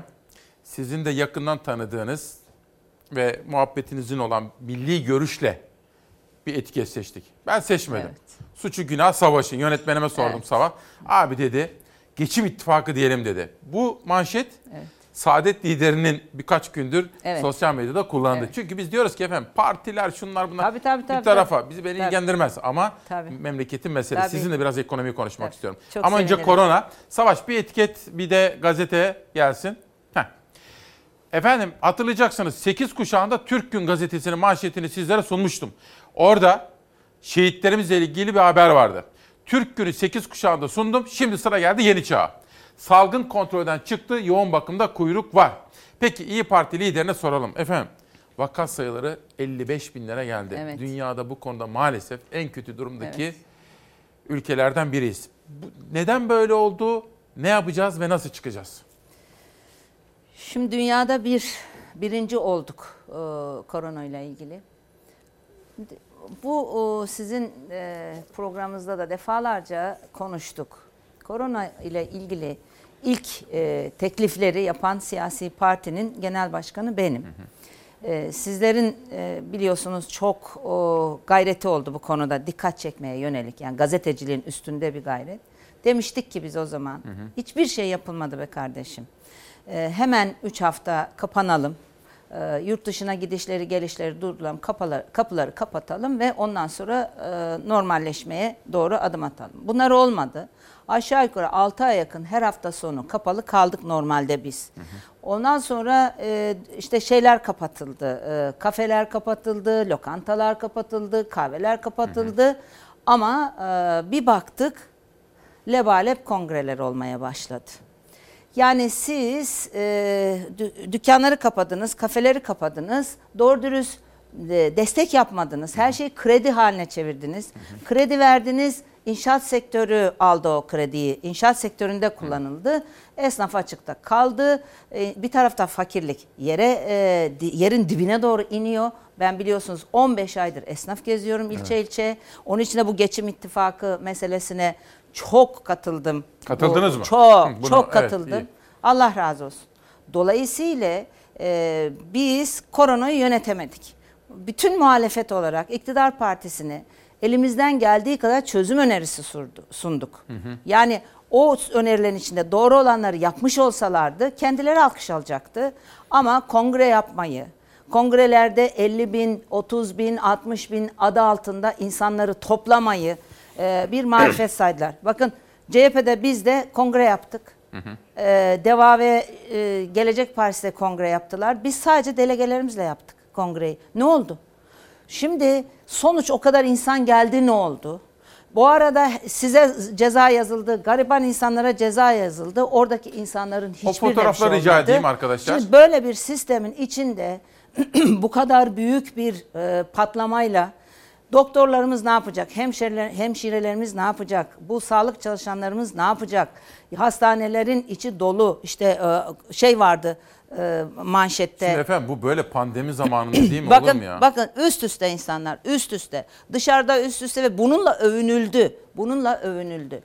Bu ne biliyor musunuz? Bu ciddiyetsizlik. Devlet yönetmek ciddiyet ister. Devlet yönetmek vatandaşının yerine kendini koyup ona yönelik çözüm üretmek ister. Ve e, konuyu her bir konuyu milletinize dair her bir konuyu ciddiye almak ister. Bunların hiçbiri yapılamadı. Bakın işte şu hale bakın. Şimdi yani. efendim bakın ben Yani. şimdi dünya şöyle sordum. Olmaması gerekir. Ya Evet. dünyada olur mu Evet. mesela Almanya'da Hayır, İngiltere? böyle bir şey olmaz. Bakın burada diyorlar ki önlemleri aldık. Ya olur bakın mu? kapalı burası. Evet. Ayrıca efendim bakın Ya şuraları filan. Yani üst üste. E bu vakaların üst üste. patlaması Bakın şu arkadaki e, oturanların haline bakın üst üste. Yani burada bile aynı. Yani yan yana oturuyor herkes. efendim burası kapalı salon işte. Evet nefes alma imkanı yok. Şimdi bütün bunların hepsi aslında ceza görmesi gerekir. Dünya kadar ceza kesildi gariplere. Ee, ve e, sonuç olarak şimdi kongre bitti. Lebalep kongrelerle övünüldü. E, şimdi 55 bin insan hasta. Her gün bu artarak gidiyor ve ölümler artıyor. Şimdi hastanelerde yoğun bakım için sıra var. İşte yazmış gazete biz buna şahit oluyoruz. Hast- e, ağır hastalarla ilgili bizden torpil yapmamız isteniyor. Muhtemelen AK Parti'nin bütün e, yöneticilerinden bu isteniyordur. Yazıktır, günahtır yani. Bakın efendim, Vatandaşa da yazıktır. Yoğun bakımda kuyruk var. Evet. Salgın kontrolden Evet. çıktı. Yeni Çağ'ın bugünkü Evet, manşeti. Aynen de öyle. Şimdi siz bütün bunları usuletle, suhuletle esnafı canlandıracak şekilde söyledik. İsmail Bey burada defalarca söyledim ben. Ee, kamuoyuyla paylaştık. Ya onar bin lira çalışan adam sayısı para verin dedik. Ee, Şey bir yılı ödemesiz faizsiz. 36 ay ödemeye yayın dedik. Hem sanayici hem esnafa. Fakir ailelere, direkt geliri olmayan ailelere kişi başına 500'er lira verin dedik. Bizim sanayicimiz ürettiğini bunlar tüketsin dedik. Yani o ailelere bu şekilde para yardımı yapın dedik. E, işletme kredisi verin dedik bir dönem bir e, şeyi ödemesiz. Bu o, bir yıl ödemesiz. Bu verdiğiniz faizli kredileri bir yıl uzatın dedik. Şimdi bak Haziran'da bitecek. Kısa çalışma ödeneği bitti. Evet. Bir buçuk milyon kardeşimiz şu an itibariyle işsiz kalmak durumunda. Bunu uzatın dedik. Şimdi bütün bunların yerine lebalep kongre yapıp övünmeyi tercih ettiler. Ve e, yani sürü bağışıklığı desek sürü bağışıklığı değil. E, yani onu sağlayacağız desek. Aşıyı 55 doğru dürüst getirilemedi. Aşı 55 bin getirilemedi. vaka var ya. Ya şimdi aşıların ikinci kendileri oldu, biz de olduk, e, davet edildik olduk. Şimdi bizimkilerin ikincisi geliyor. Bakın yani 6 aylık bir sürede koruyormuş e, bizim olduğumuz aşılar. Şimdi böyle bir sistemin içinde yüzde 65'i ülkenin aşılanmalıydı bugüne kadar. Orada büyük bir e, problem yaşandı ve sonuç itibariyle ba- bağıra bağıra geldi. Ya, e, yani hatırlayın Umre'den dönenler, Avrupa'dan dönenler, İran'dan girenler bu kapılar kapatılmış olsaydı, buralara gitmeye yönelik bir dönemlik hayır denmiş olsaydı ne olacaktı? Belki biz çok az bir şeyle atlatmış geçmiş olacaktık. Aklıma ne geldi biliyor musunuz efendim? Ceza yediler ya vatandaşlar. Evet. O zaman efendim cezalar iptal olsun. E, Zaten iptal olması gerekiyor. Hukuki olarak iptal olması gerekiyor. Çünkü bu arkadaşların ceza başta Cumhurbaşkanı olmak üzere bu, bu arkadaşların ceza ödemediği bir yerde gariplerin ceza ödemesi mümkün değil. Yani işsiz gencin 3,5 e, 3500 lira ceza ödemesi mümkün değil. Elbette iade edilmeli. Peki. İptal edip iade edilmeli. Şimdi Sayın Genel Başkan ben hani biz Çalar Saat'te ana haberimizde de aynı mantık Ne? geçerli. Siz ve bütün muhalefet ve bütün iktidar partilerine biz özellikle ben arkadaşlarımdan rica ettim Çalar Saat'lik haber yapan arkadaşlara. İktidar muhalefet kimse esnafa gidiyorsa, köylünün mesela yanına gidiyorsa, üreticinin yanına gidiyorsa hani böyle tarlalar, fabrikalar, atölyeler dikkatle takip ediyoruz. Ben kendim de arkadaşlarım da. Şimdi sizin Savaş bir video vardı. Meral Akşener ve esnaf hazır mı? Bir izleyelim bakalım. Çünkü efendim diğer televizyonlar bunu yapmıyorlar. Oysa siyasetçinin önde gelen vazifesi işte Sayın Akşener'in de yaptığı gibi köy köy, ilçe ilçe memleketi dolaşmaktır. Gazetecinin görevi de bu. Esnafın hali oldukça kötü. Yani belli kesim iyi, belli kesim kötü. Onun için de yani biz yıkılmak istiyorlarsa birleşmemiz şart diye düşünüyorum ben. Ne olursa yapmamız, elimizden gelen neyse biz de yapmanın peşindeyiz yani. Kaç kişi geçiniyor buradan? Dört. Dört. Yani ev olarak kaç? Babamla beş. Dört tane, üç tane çalışan var. Bir de ben varım dört. Bir de Ailenize babam var. bakın. Evet. Peki e, yani bura şey şahsi kira mı? Daha yeni aldım da yani şey değil. Şey ne durumda peki? Yani geçiniyor musun? Şu Kredi anda borcunuz var mı? Var tabii olmaz. Kredisiz bir tane esnaf var mı ki?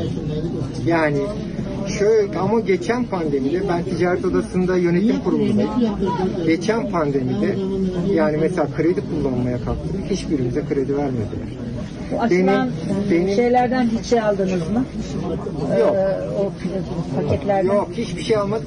Benim hayatımda bir tane çekim yazılmış değildir. Bir gün kredi kartımı geç ödemiş değilimdir. Bankanın ismini vermiyorum. 100 milyar krediyi bile bize vermediler. Şimdi efendim iyi bir şey yapıyorsunuz. Ben ilk hatırladığım kadarıyla bir Bursa'dan başladınız. Sonra bir Trakya, Doğu, Güneydoğu. Antalya, Her yere gidiyorsun. İzmir, Bana şunu anlatır Trakya'nın mısınız? tümü. Ne görüyorsunuz? Yani vatandaş ne diyor size? Ne istiyor? Tam 15 ay olmuş. 20 Ocak 2020'de başlamışım ve başlama sebebim de o ara e, Türkiye'de Sayın Kılıçdaroğlu'nun darbe yapacağına dair iddialar vardı iktidar tarafından. E, ve bir gazeteci arkadaş gruptan sonra bana dedi ki işte e, Sayın Erdoğan, Sayın Cumhurbaşkanı, Sayın e, Kılıçdaroğlu'na şunu söyledi, o da ona şunu söyledi ama özne darbe. E, siz ne diyorsunuz? Vallahi ağzımdan böyle çıkacaktı tuttum. E, elinin körü diyorum diyecektim. Diyemedim. İşte atlattım. Sonra geldik e, partiye ve dedim ki yani bizim bu işin dışına çıkmamız lazım. Bir, garipler yanıyor. Daha o zaman pandemi yok. E, yani her seferinde benden bir şeyler isteniyor. Kadın olduğum için daha kolay ulaşılıyor. Ve e, kadınlar ulaşıyor. Bir problem var ekonomide. Biz hadi bakalım gidelim ilçe esnafı gezmeye başladık. O gün şunu görmüştüm o pandemiye kadar yani bu Covid bize girinceye kadar ki süreçte gördüğüm şey şuydu. Bir, mesela esnaf elektrikten şikayet ediyordu. Elektrik parasından şikayet ediyordu. İki, bütün her yerde. İki, e, mesela şunu satacak adam veya hanım alıyor. Geçen seneye göre daha pahalı alıyor. Ee, üzerine tabii şeyini koy, karını koyduğu zaman bu elde kalıyor. Söyledikleri şuydu. Müşterinin alım, alım gücü düştü. Ee, elektrik pahalı, stopaj pahalı. Ee, yanımızda çalışanların maaşından itirazımız yok. Fakat e, sigortasında e, yani devlet birazını üstlense gibi şikayetler vardı. Biz bunları toparladık. Getir yani o ilk Antalya'nın sanıyorum 12-13 ilçesini gezmiştim. Geldim o hafta grup toplantısında buradan aldım bütün bilgileri paylaştım ve dedim ki böyle söyleniyor kardeşim bunlar da bakın çözüm önerilerimiz. Şimdi böyle bir sistem oluştu ve önce kimsenin dikkatini çekmedi. Sonra zaman içerisinde dikkat çekmeye başladı. En son Balıkesir'deydik. Ee, geri döndüm ben bu İdlib'deki e, hadise olmuştu.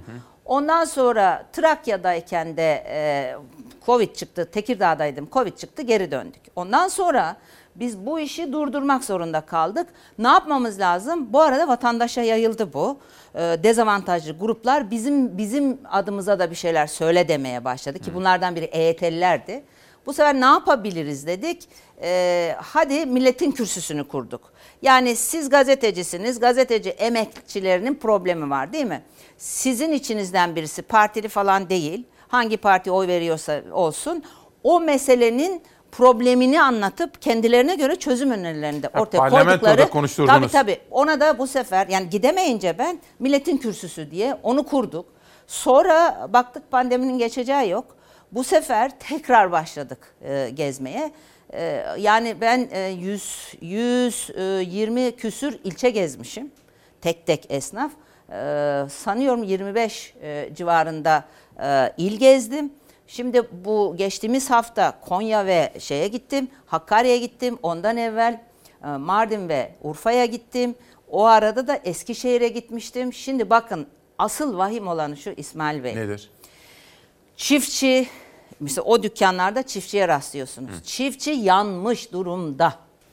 Hayvanlı satan mı, hayvanlı kestiren mi? Yani besicilerden bahsediyorum. Sütünün e, e, hiç para etmemesi sebebiyle bu sefer süt hayvanını satan mı? Ya maalesef. Efendim e, buğday ekenden sebze ekenine kadar o ekim dikim Çok yapan özür. çiftçi mi? Ben dün bu buluşma için hazırlanırken sizin hani çözüm önerisi diye sormak istiyordum. Evet. Bu arada bunu da hazırlattım. Arkadaşlarımdan rica ettim. Siz lütfen devam edin efendim. Çiftçimizle ilgili söylüyordunuz. Evet. Şimdi onlara işte gübrenin ben an ve an nasıl arttığını çiftçinin kendinden öğrendim. Ee, velhasılı kelam. Şimdi orada tencere kaynatamayan kadına da rastlıyorsunuz. Ee, 4 yıllık üniversite mezunu olup iş bulamamış çocuğunun gece oturup gündüz uyuduğunu anlatan anneye de rastlıyorsunuz. İnanılmaz bir şey. Emekliye de rastlıyorsunuz ve sonuç itibariyle bir zaman geçtikten sonra bu yapılan çalışmayı biz e, vatandaşın derdini kamuoyuna mal eder olduk. Sizlerin de gayretiyle Allah bin kere razı olsun. Şimdi Tamam, bakın ilginç bir şey daha söyleyeyim. Ben mesela dükkandan içeri giriyorum. Diyorum ki arkadaş hayırlı işler. Daha henüz işler nasıl demeden. Ben sizin derdinizi dinlemeye geldim. İktidarı yermeyeceğim, partimi övmeyeceğim, kendimi de övmeyeceğim, hiçbir şey yapmayacağım. Biz yokuz, sizin derdiniz nedir? Öneriniz nedir? Eleştiriniz nedir? Ve bizden istediğiniz nedir? Çünkü biz muhalefet partileri olarak halkın avukatı olmak durumundayız. Bir şey fark ettim gene. Yok darbeler, yok bilmem neler, abuk sabuk o dönemde bir şeyler konuşuluyordu. Ee, vatandaşın, mesela Sayın Kılıçdaroğlu'nun Sayın Erdoğan tarafından e, suçlandığı o dönemde, darbe yapacak diye suçlandığı o dönemde vatandaşın bundan bilgisi yoktu. O dükkanlarda müşterinin de ve bu AK Partili seçmenin de, CHP seçmenin de veya bir başka siyasi partinin seçmeni olan o Evet. dükkanlardaki kişilerin ve müşterilerin inanın haberi yoktu. Bakın çok ilginç. Çünkü insanların midesi yanıyor. İnsanların evinde yangın var. Kütahya'da memleketiniz kardeşim. Evet. Şimdi Kütahya'da Tavşanlı'da aç insan mı olur? Vardı İsmail Bey, vardı. Bir tane bu e, cep telefonlarının e, şeylerini satan e, ne deniyor Aksesuar, onlara? aksesuar, Aksesuar satan kılıf bir dükkana girin. Küçücük bir dükkan. Eli yüzü düzgün bir arkadaşımız. İşler nasıl? Aynı gene benim o şablon cümleyi söyledim. Ona işler nasıl kardeşim? Böyle durdu durdu abla dedi işte ha bir de siftah yaptınız mı diye soruyorum. Siftah dedi yaptım. Ne yaptın? Bir tane kulaklık satmış. Kira mı bu dükkan? Kira. Boş bulunup, bak oraları ben bilirim. Boş bulunup dedim ki haftada kaç kere et alıyorsun? Ya. Bir tane üniversitede okuyan çocuğu var. Bir kızdı bana. Ya abla dedi. Ne, Ne eti, eti, be ne dedi. eti? Böyle yaptı. Ne eti? Ya tavşanlı. Ya. Ya arkadaş orada hayvancılık var. Ne eti dedi. Böyle eli. Neye uğradığımı şaşırdım. Ayda bir dedi tavuk alsam nedir? Şimdi haftada kaç kere et alıyorsun diye sormuyorum. Eti ne kadar alıyorsun Ya. diye soruyorum. Ayda bir kere tavuk alıyor insanlar. Bakın Kayseri zengin değil mi? Kayseri'de de bir esnafta e, kasap dükkanına girdim. Bildiğiniz kasap. Hiç doğru düzgün et yok. Bir iki tane sucuk var. Dedim ki ya niye bir şey yok? Neyse konuşuyoruz. Dedik ki e, yani sabit müşterileriniz vardır. Market değil bu. Müşteri vardır. Mesela haftada bir kilo şey alan, et alan, kırmızı et alan şimdi ne oluyor? Ne abla dedi ya böyle, böyle el böyle. Ne abla dedi ya? Ne eti? Şimdi kurbanı bitirecek insanlar 6 ay boyunca dedi. Kesmeyen ne yapıyor dedim. Onlar da kendine verilenden gidiyor dedi. Develi'de bir vatandaş sinir krizi geçirdi. Yani açım diye sinir krizi. Bakın bunlar yeni e, olmuş hadiseler bu, Başlangıçtan gelen. Şimdi bütün bunları kamuoyuyla paylaşıp buraya dikkat çekmeye gayret ettiğiniz zaman neyi gördüm biliyor musunuz? Müşteri veli nimet ya. Sizin içinde sizin izleyiciniz Tabii, veli nimet, tabii, gazeteciyseniz o gazeteyi Tabii, alan veli tabii. nimet, okuyucu veli nimet. Ama Türk siyasetinde maalesef seçmen veli nimet olmaktan çıkmış. Kutuplaştırarak, değerler üzerinden kavga ettirerek insanları, siyasette buna e, teşne olmuş. Gözünün alt, işte kaşının altında gözüm var. Ben bunu beğenmedim. Hadi iyi kavga sebebi. Ama o insanın karnının açlığını doyuran ve derdini ortadan kaldıran bir eylemdi. Bunu hangi şart olursa olsun o diğer çukurun içine düşmeyeceğiz biz. Öznemiz vatandaşımızdır. Ben şimdi bir şey oluyor. Ya bunlarla konuşmayın kardeşim. Millet aç dediğim zaman bununla alay eden, dalga geçen, millet aç aç diye şey yapan tuzu kuru insanlar var. Ama bu iktidarın aymazlığına, ciddiyetsizliğine, gözlerini kapamasına ve bizi kutup değerlerimiz üzerinden kutuplaştırmasına o değirmene su taşıyan bir tavırdır. Sonuna kadar da bu o, tavrın karşısında olup gerçek gündemi bakın şimdi bu hafta biz ağlarsınız ya. Bu hafta kimi getirdik biliyor musunuz? Tarım işçileri var ya mevsimlik. Onların içinden Diyarbakırlı bir Ali kardeşimi getirdik. Fotoğraflar söyledi. Acırsınız acır. Gösterdi evinin fotoğrafları. Naylondan çadır. Biz bir ay önce siz Şanlıurfalı bir çiftçimizi konuşturdunuz ya. Evet. Ben editörümden rica ettim. Zeray buldu onu. Yani dedim ki demokrasi meydana çağıralım. O kadar güzel konuşuyordu ki. Evet. Anlatmış. Demiş ki İsmail Bey'e selam söyleyin. İzliyoruz. Sağ olsun, var olsun. Fakat demiş bazı olaylar anlatmış. Evet. Neler başımıza geldi demiş. Evet o, o konuşmadan sonra. O konuşmadan sonra. Anlatsam burada Bakın çok daha vahim bir şey söyleyeyim. siz kürsüye çıkarttınız diye çiftçi bak Allah'ın yani ya bizim AK Parti'nin çiftçimiz. AK Parti'nin e, önce üst kurul delegesi, ondan e, şimdi de bildiğim kadarıyla il delegesi olan AK Parti mensubu bir çiftçi bu Evet, kişi. evet. Ve Detaya girmek parti- istemedim. Bakın hay, partili purtili değil benden ilgisi yok.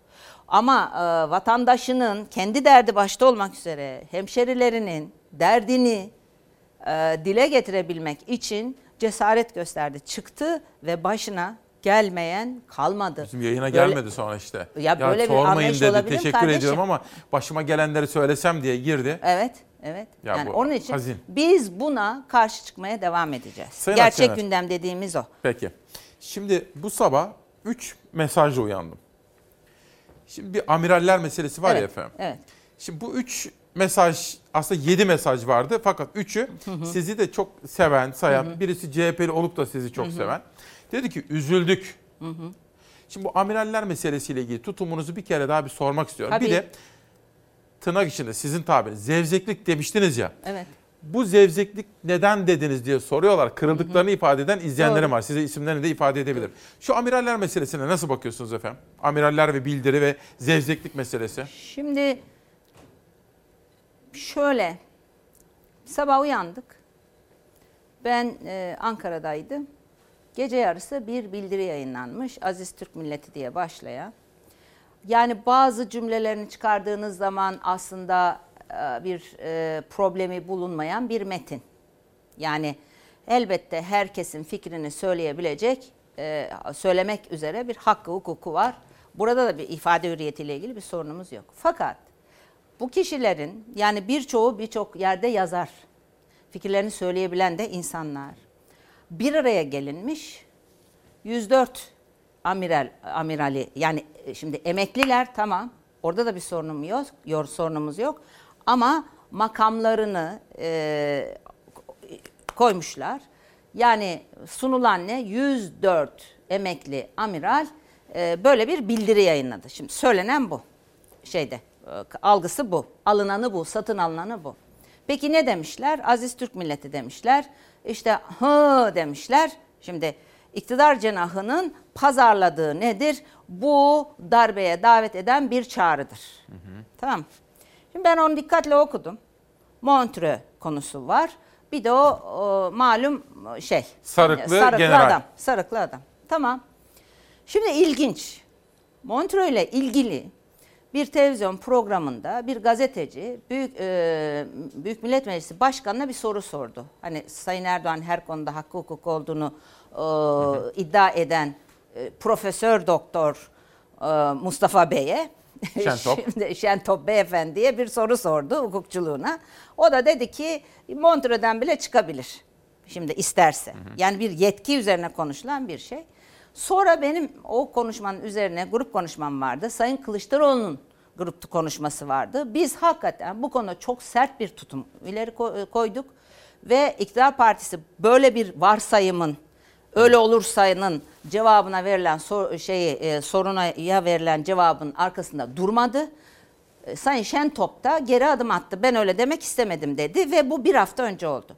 Sayın Davutoğlu'nun, Sayın Babacan'ın da bu konuda e, koyduğu tavırlar var. Yani muhalefeti kapsayan alanda herkes bir tavır koydu ve karşılık buldu bu tavır. Şimdi aradan bir hafta geçmiş. Montreux konusu gelmiş. Şimdi Kanal İstanbul mevzusu var. Kanal İstanbul konusunda da e, amirallerin eskisinin eski amirallerin bu konuda beyanatları farklı.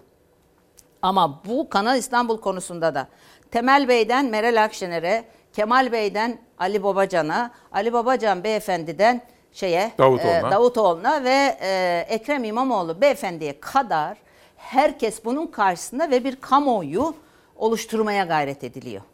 Siz de bunun içindesiniz. Tabii tabii. Çok sert karşıyız biz. Şimdi bunları da koyduk bir kenara.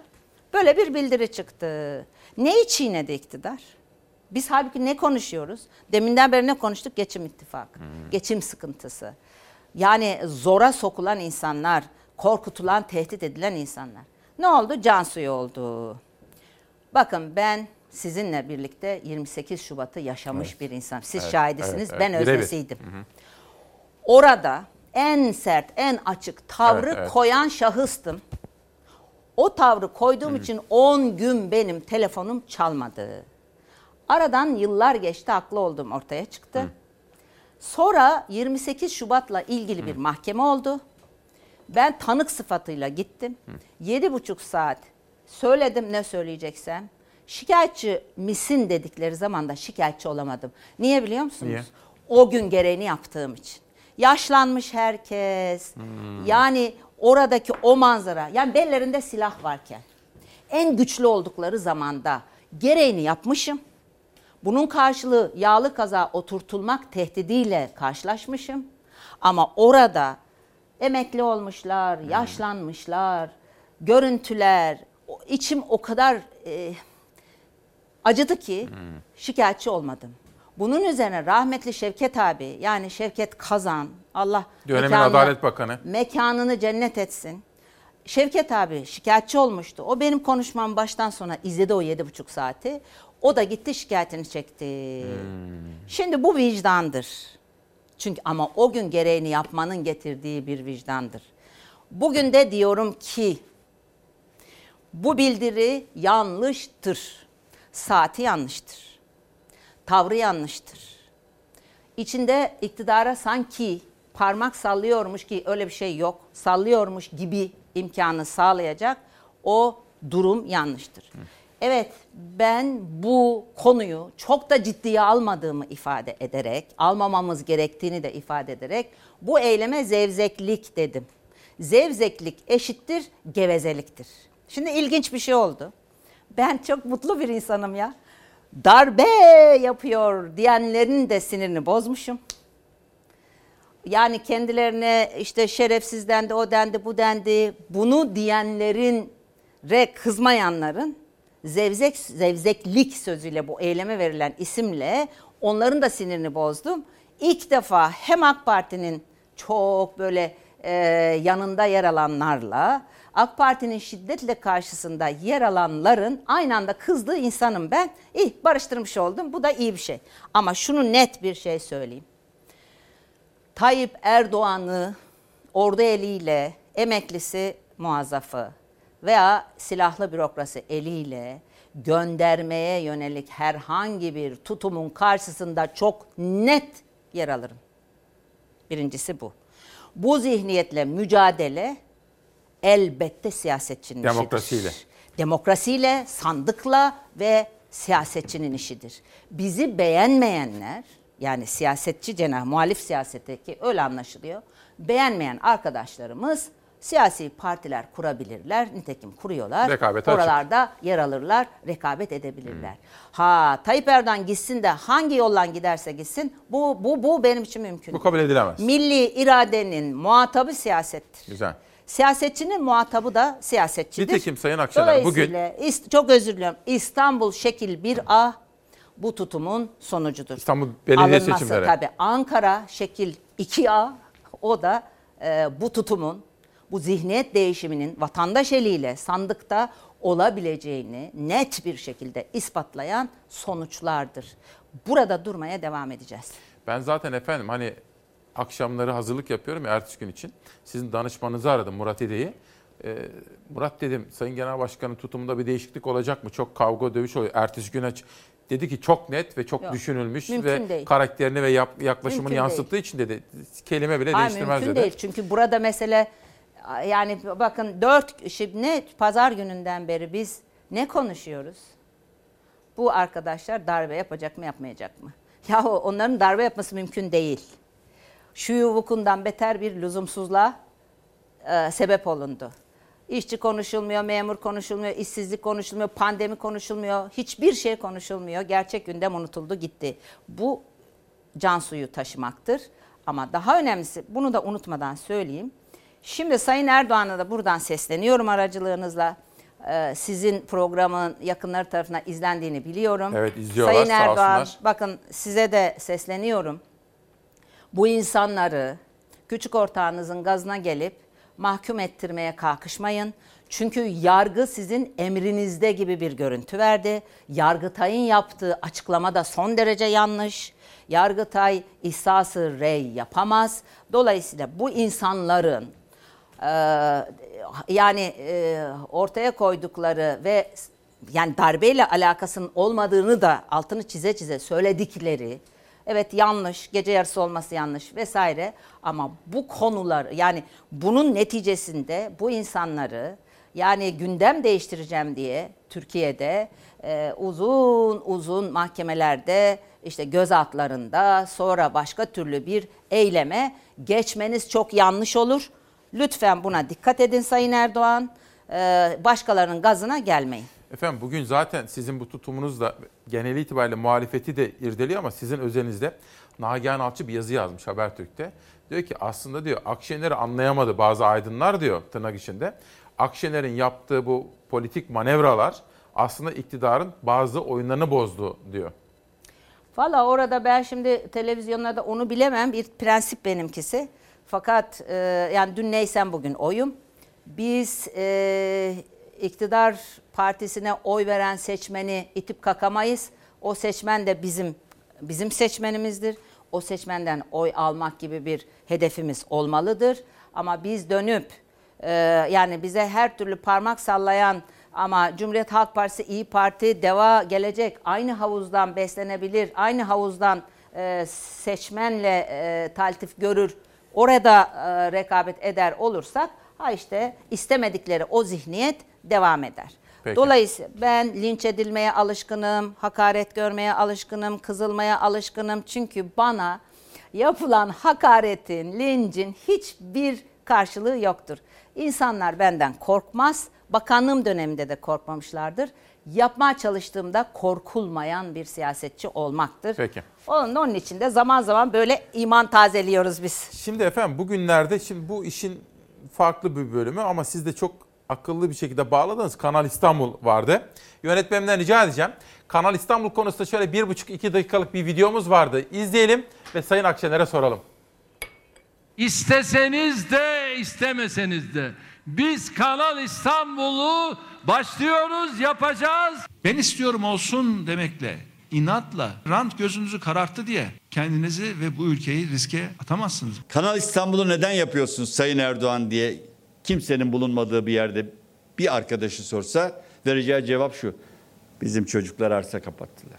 Cumhurbaşkanı bir kez daha isteseniz de istemeseniz de Kanal İstanbul'u yapacağız dedi. Muhalefetse iktidarı rantla suçluyor. Biz su dedikçe, kanal dedikçe onlar dönüyor dolaşıyor, Kanal İstanbul diyor. Kanalın iki yakasında kurulacak toplam 500 bin nüfuslu şehir 500 bin kişilik kent kuracağız diyor. Yine rant projesi. Deprem riski, dış güvenlik riski. Bunların hiçbirisiyle ilgili bir analiz yok. Projenin ÇED raporu 56 kurum ve kuruluşun katkılarıyla tamamlandı. Sazlıdere ve Terkos su kaynakları yok olacak. İstanbul susuz kalacak. Orada yerleştiğiniz 500 bin kişi su içemeyecek, yıkanamayacak. Cumhurbaşkanı İstanbul Boğazı'ndaki yoğun gemi trafiğini gerekçe gösteriyor Kanal İstanbul için. Muhalefet ise çevre ve doğa katliamı yaşanacağını söylüyor. İstanbul'un su kaynaklarının kuruyacağını.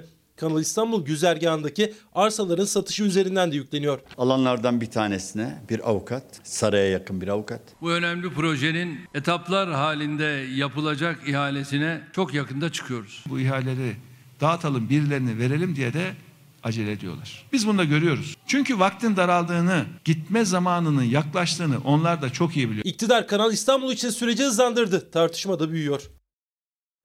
Şimdi Sayın Akşener şunu söylemek istiyorum. Ekranda da söylediğim bir husus. Tekrara kaçacağım ama. Olsun, İktidar tekrar edin. istiyorsa bile hani bazen yapabilir. Çok ısrarlıdır ya da bizim görmediğimiz başka menfaatler vardır. Fakat yadırgadığım tutum şu. Sizin görüşünüzü merak ediyorum. Hani böyle istişari mekanizmalar çalışmadan, işte onun fikrini, bunun fikrini falan almadan, isteseniz de istemeseniz diye bir tutum. Bir vatandaş ve bir gazeteci olarak yadırgıyorum. Bu doğru bir tutum mu efendim? Hayır son derece yanlış bir tutum. Şimdi Sayın Erdoğan bu sözleri söyleyebilmek için zaten partili cumhurbaşkanlığı sistemini istedi. Şimdi e, Sayın Erdoğan e, hep e, parlamentoyu, parlamenterleri kendine bir bağ, ayak bağı, bir yük olarak gördü. Sayın Erdoğan çözemediği hiçbir problemi acaba ben nerede eksik yaptım? Özellikle ekonomide her yerdeki meseleyi bir yerde bir yanlış mı yaptım acaba deyip konuşmak yerine parlamentoyu suçladı, sistemi suçladı ve her seferinde bir yere bir fatura çıkardı. Oradan elini yıkayıp çıktı. Bu defa öyle bir pozisyonda ki artık ben demek zorunda. Nitekim ben diyor. Ve ilk defa Sayın Erdoğan'ın hep şöyle denirdi. Say- Sayın Erdoğan iyi, etrafı kötü. O da zaman zaman etrafı kovalar, yenilerini koyar, sistemi de değiştirir. Hangisi ise bu ve gelinen noktada şimdi Sayın Erdoğan her şeyin sorumlusu. Ben demekten büyük zevk alıyor. Saray öyle bir şeydir. Bu programlarda defalarca söyledim. Bakın bu sosyolojik ve psikolojik bir şeydir. Saray paralel bir evren, paralel bir hayat, paralel bir bürokrasi yaratır ve sokaktan alakasız sokakla ilgisi olmayan bir alandır, bir yönetim anlayışıdır. Şimdi birebir böyle oldu. Şimdi Kanal İstanbul, Sayın Erdoğan'ın şudur budur yani işte arkadaşlarımızın söylediği hepsi doğru da olabilir. Bir kısmı doğru, bir kısmı yanlış da olabilir. Önemli değil. Ama en önemlisi ne biliyor musunuz? Bu ülkenin sahibi arkadaş.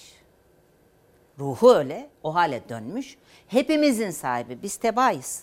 Şimdi öyle olduğu için dönüp diyor ki, ya bu, bu ne yani? Siz kimsiniz? Siz kimsiniz de Haşmet Maap Sayın Erdoğan'a itiraz ediyorsunuz? Halbuki 21. yüzyıldayız.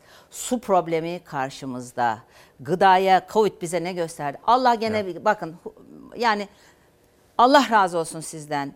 Şu programları sunmaya başladığınızdan beri tarım konuşuyorsunuz Her gün tarım siz. diyoruz. Ya Allah bin kere razı olsun. Ama neyi öğrendik biliyor musunuz? Pandemiyle biz ne gördük İsmail Bey?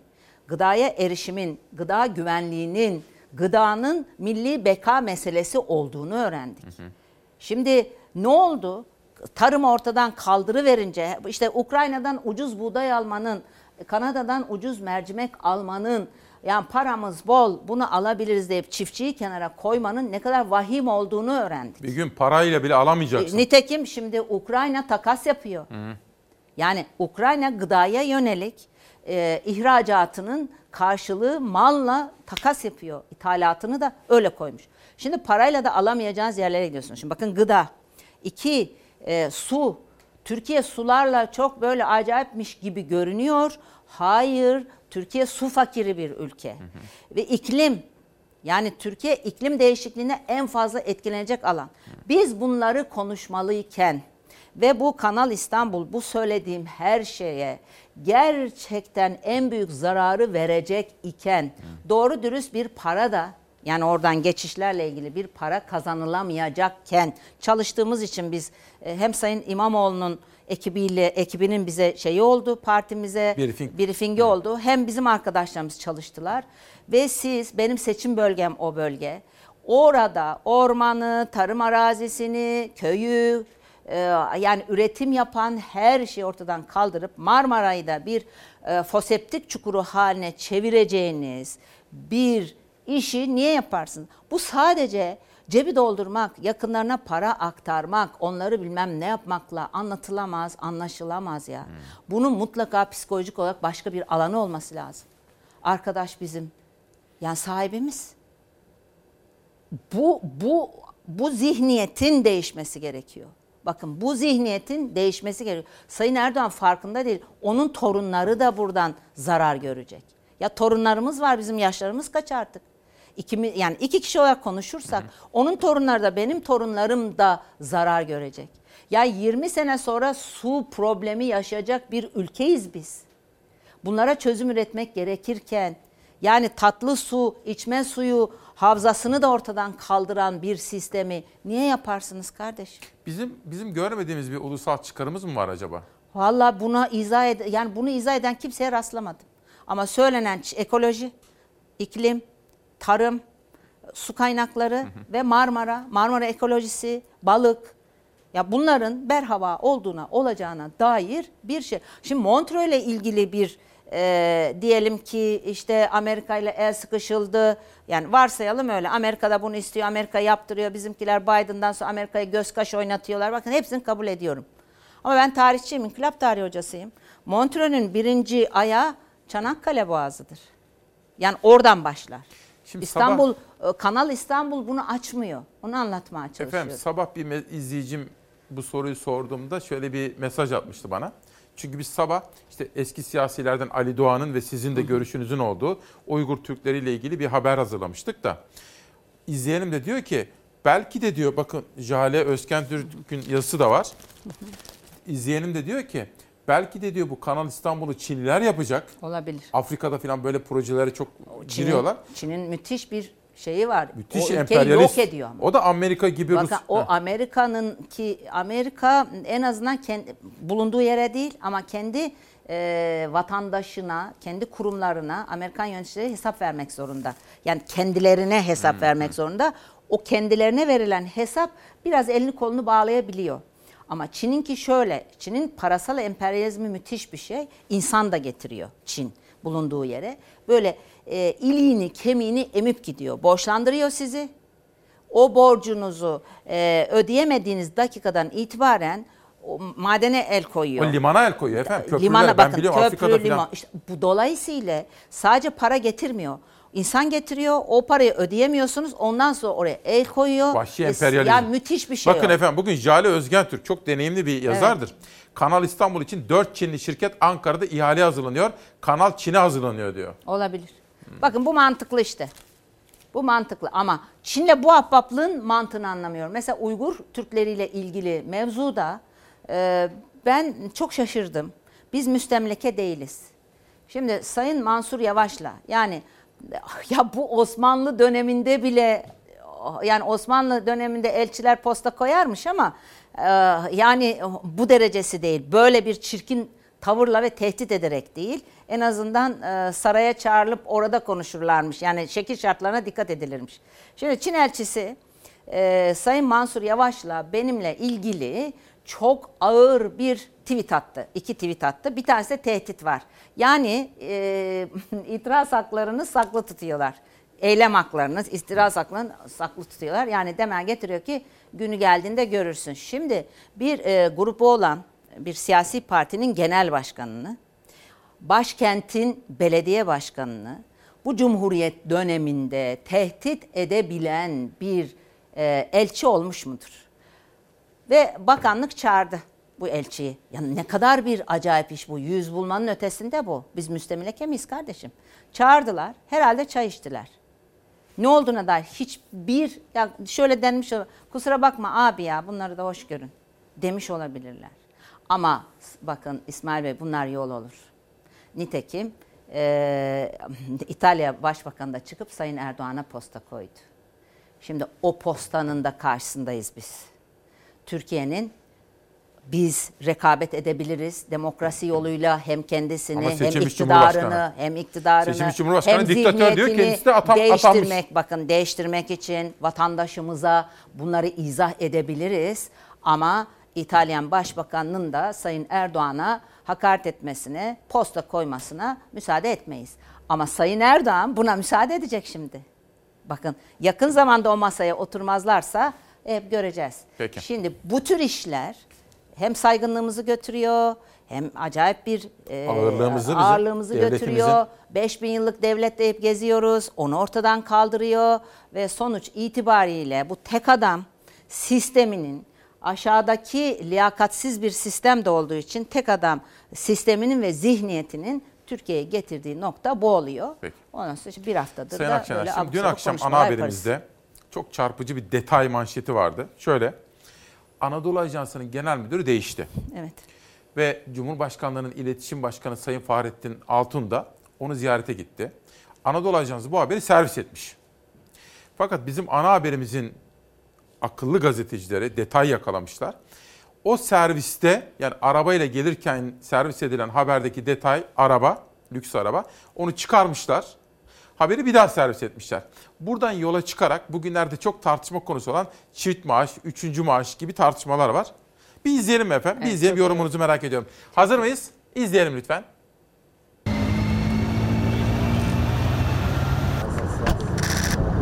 Kamudan çift maaş alan Fahrettin Altun altında da Merkel'in bile binemediği milyonluk bir Mercedes var. Cumhurbaşkanlığı İletişim Başkanı ve Borsa İstanbul Yönetim Kurulu üyesi Fahrettin Altun çift maaş tartışmasının da odağındaki isimlerden. Ama bu kez makam arabasıyla gündemde. Senin benim paramla sana bana çaka satacak. Mercedeslere kurulmuş, önünde arkasında korumalarla Anadolu Ajansı'na gidiyor ki benim adamım diyor. Bana göre haber yap diyor. Beni eleştirdiler mi kes onu diyor. Fahrettin Altun denilen 650 sayılı kanuna tabi bir hadsizin, bir edepsizin muhalefete sataşmalarına, hakaretlerine cevap vermek istemiyoruz. Emekli amirallerin Montreux açıklamasından sonra muhalefete bir kere de demokrasiden yana olun diyen Fahrettin Altun'a tepkiler sertti. Altun bu tartışmanın gölgesinde Anadolu Ajansı Genel Müdürlüğü'ne atanan Serdar Karagöz'ü ziyaret etti. Merkel, Almanya'nın başbakanın altında Fahrettin Altun'un bindiği araba yok. Anadolu Ajansı'nın o ziyarete ilişkin servis ettiği görüntü Altun'un makam arabasıyla ajansa gelişiyle başlıyordu. Bir süre sonra o haber geri çekildi. Anadolu Ajansı'nın yeni servis ettiği görüntüde lüks makam arabası yoktu. Fahrettin Altun'un makam arabasının görüntüsünü paylaşmadı bu kez Anadolu Ajansı. Bu adam bir tane işi var. Muhalefete çamur atmak, hakaret etmek, hatta hakaret edecek cüreti de gösteriyor. O kadar da hadsiz. Muhalefete hakaret ettiği için altına da milyonluk Mercedes veriyorlar. İki maaşın yanında. Bunu senin benim paramla şuutlu patates üreticisinin alnının terinden çaldıklarıyla yapıyorlar. Haram zıkkım olsun. Metin Kıratlı Cumhurbaşkanlığı İdari İşler Başkanlığına atanıyor. Bu görevinden aldığı aylık maaş tutarı 22.906 lira. Kamuda iki ve daha fazla maaş tartışması da sürüyor. CHP'li Deniz Yavuz Yılmaz, Cumhurbaşkanı İdari İşler Başkanı Metin Kıratlı'nın 3 ayrı yerden maaş aldığını söyledi. Borsa İstanbul'un yönetim kurulu üyeliğinden 24 bin lira YÖK üyesi. Buradan da 37.796 lira aylık maaş alıyor. Her ay 3 ayrı yerden toplam 84.702 lira maaş alıyor. Muhalefet kamuda görevli bürokratların ayrıca yönetim kurulu üyeliklerinden huzur hakkı ya da ek maaş almalarına tepkisini her fırsatta dile getiriyor. İki ve daha fazla maaş uygulamasının son bulmasını istiyor. Nasıl yorumlayacağız? Korkunç. Şimdi e, zaten sarayda yaşıyorsunuz. Hiçbir masrafınız yok. Eşiniz 5 maaş, kendiniz 5 maaş. Ve e, bir de müthiş bir kibir. E, Yani herkese parmak sallamak. Mesela ben e, işte Sayın Erdoğan'a seslenmiştim. Daha evvel de söyledim. Yani bu amiralleri talimat verip yargıda süründürme böyle bir şeye gerek yok demiştim. Eğer böyle bir şey yapacaksan bu arkadaş başta olmak üzere bakın eyleme zevzeklik demiştim. Bunlar zevzek. Bu zevzekleri de şimdi mahkemeye marş marş götür. Birincisi bu. Parmak sallayan iğrenç bir görüntü. Ama bu çok maaş meselesi. Millet açken kısa e, çalışma ödeneğinden alınan para 1580 liraydı. Buradan isim vererek söyleyeyim. Şimdi Benim İstanbul'da bir genç kuaför çocuk var, saçımı tarar. Bir e, kuaförde e, çalışır. Kuaförün sahibi, ortakları var. Arabasını sattı. Orayı sürdürebilmek için. Çünkü gitmiyor. Genellikle işte o memur benim e, gibi kadınların yani maaşlı olan kadınların gittiği bir yer. Evlerde kendileri boyamaya başlamışlar. Şimdi bir kuaförün durumu. Bugün, dün e, geldi Hüseyin. Bugün buraya geleceğim diye saçıma fön Aha. çektirdim. Ne oldu Hüseyin kesildi mi dedim. Eşi de e, kuaför. Dedi ki abla ikimizinki de kesildi. Yani kesiliyor. E, işte patronu tanıyorum. Onlar ödeyebilecek. Ödeyemezler. Arabalarını sattılar sıra evlerinde dedi. Peki nasıl olacak? Abla açız bundan sonra dedi. Elim ayağım titriyor. Günahtır be. Günahtır, günahtır. Yani bu insanlar, çocukları var bu insanların. Küçücük bir çocukları var. Çocuk demişken Mardinli bir çocuğun videosu Kirada, vardı arkadaşlar. kirada ve 5 maaş eşi, 5 maaş kendinin kim bilir kaç lira e, aylık gelirleri var. Sıfır e, masrafla. Çocuk demiştiniz ya efendim Evet, siz ay, Hakkari ve bu Mardin'e harika bir şey. Ama şu bilgiyi bir vereyim çok özür diliyorum. Biz açıklamaya ve söz hakkına çok saygı duyuyoruz.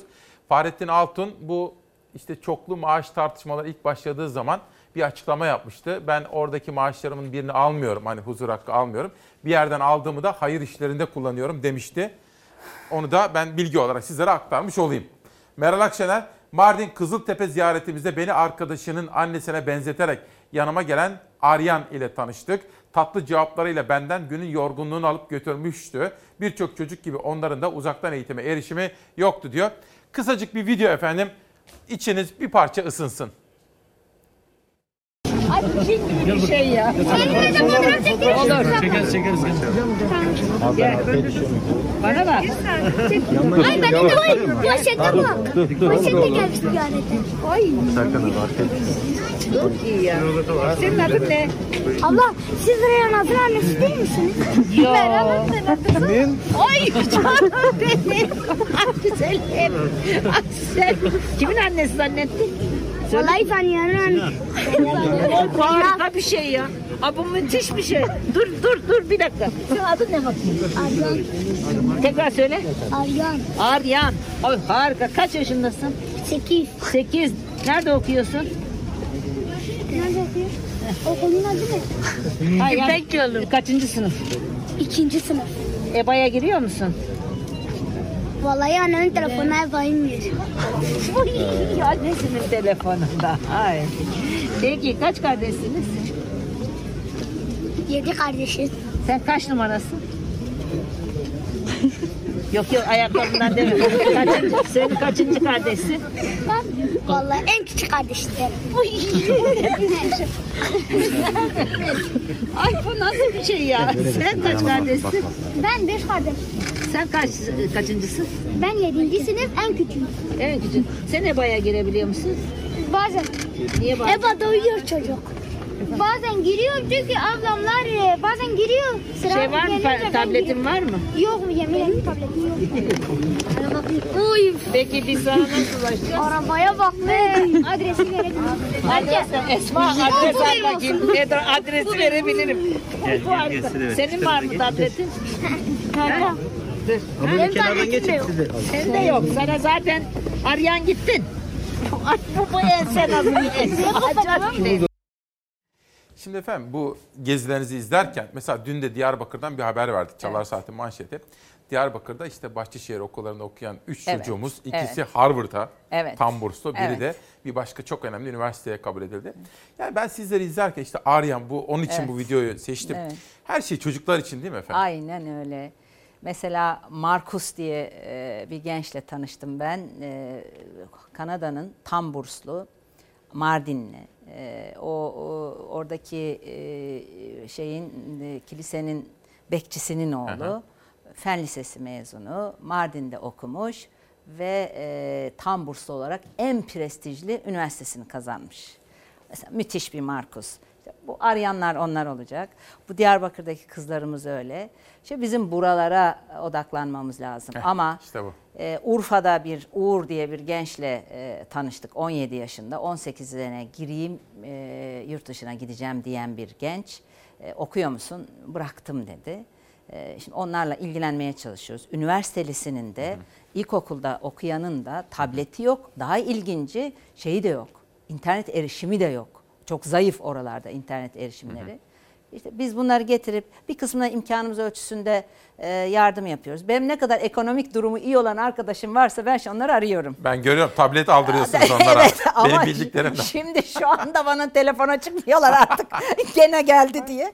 Ee, Ona beş tablet, da- buna üç bu tablet bir yollatıyorsunuz. İyi, Ve, güzel bir şey o. e, Bizzat kendi, biz de göndermiyoruz. Onlar Evet, evet, adresleri biliyorum, veriyoruz. O biliyorum. kişiler kendileri gönderiyor. Ama e, tabii bir e, yardımlaşma önemli ama bunu devletin yapması lazımdı. Hükümetin yapması lazımdı. Sayın Erdoğan'ın yapması lazım. Bu beş maaş alan arkadaşların hayır yapmak yerine Peki. tek maaşla yetinip oradaki e, sistemin içine bu paraların girmesi lazım. Sayın Akşener şimdi yıllar evvel yine bir çocuktan bahsedeceğim. Bir Zeynep'ten. Sizin de her şeyini bildiğiniz bir çocuk.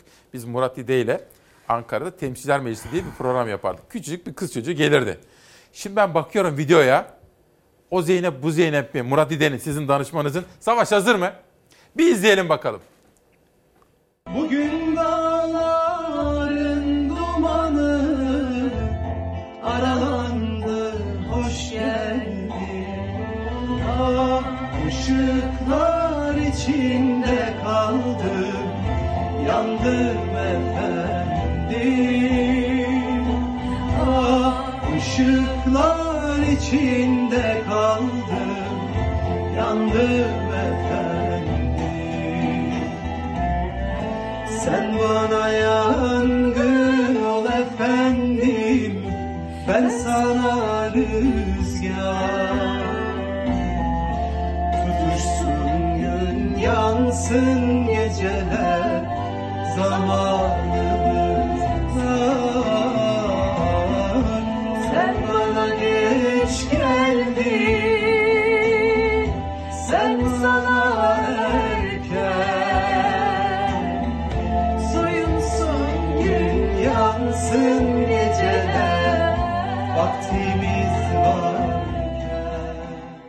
Muhteşem ya. Ya muhteşem değil Ay mi? harika. Sizin kucağınızda büyüdü Evet, aslında bu evet. çocuğumuz. evet. Zeynep İşte Koç'ta burslu okuyor. çok akıllı kız. Yani Çok öyle iyi. kazandı Fakat okudu. Murat'ın sesi de iyiymiş. Murat'ın sesi iyi. Ee, benim iki, e, yok üç şarkıyı e, benimle ilgili yani partiye Evet. dair Murat yazdı. Vay, Murat vay, vay. okudu. Yani müzik de ona Ne ait yetenekler orijinal. var. Çok. Efendim, son sözü size bırakmak istiyorum ama biraz para kazanalım çünkü Olur. maaşları Tabii, ödeyeceğiz. tabii, tabii, Tamam, tabii. Bir reklamlara gidelim son sözü Sayın Akşener'e bırakacağız.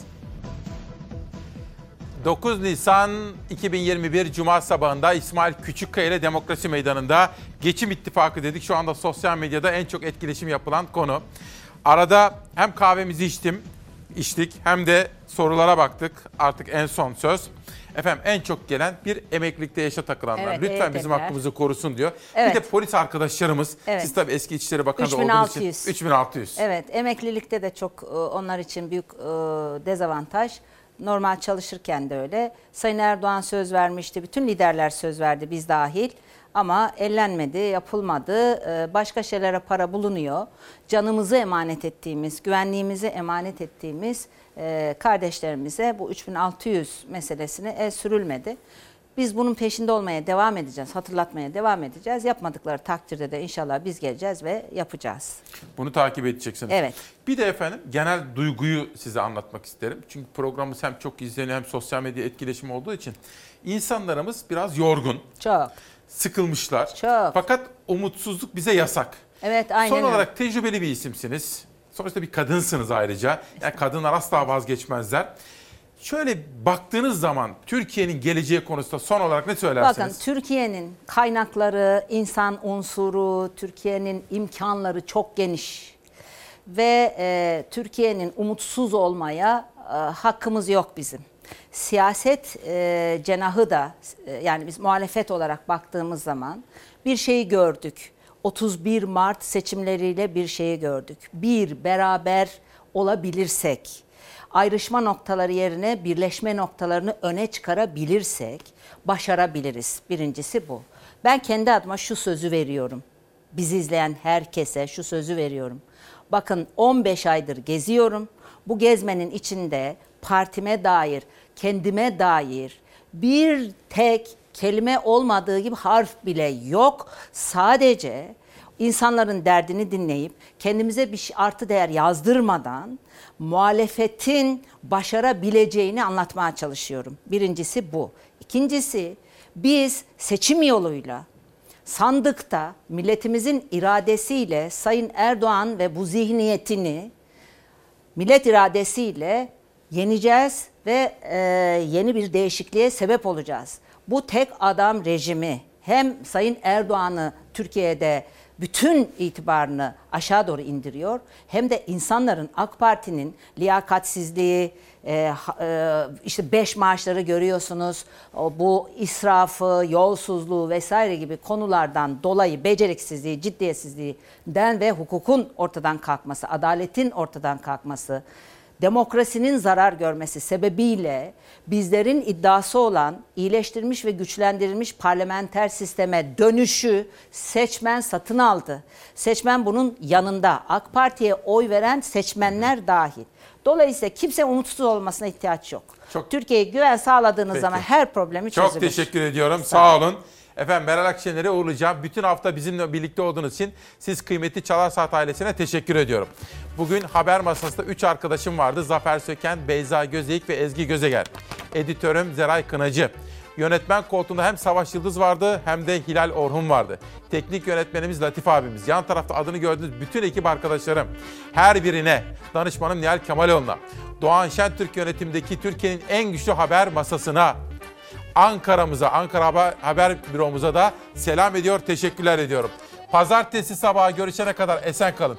30 saniye içinde Çağla Şikel'deyiz.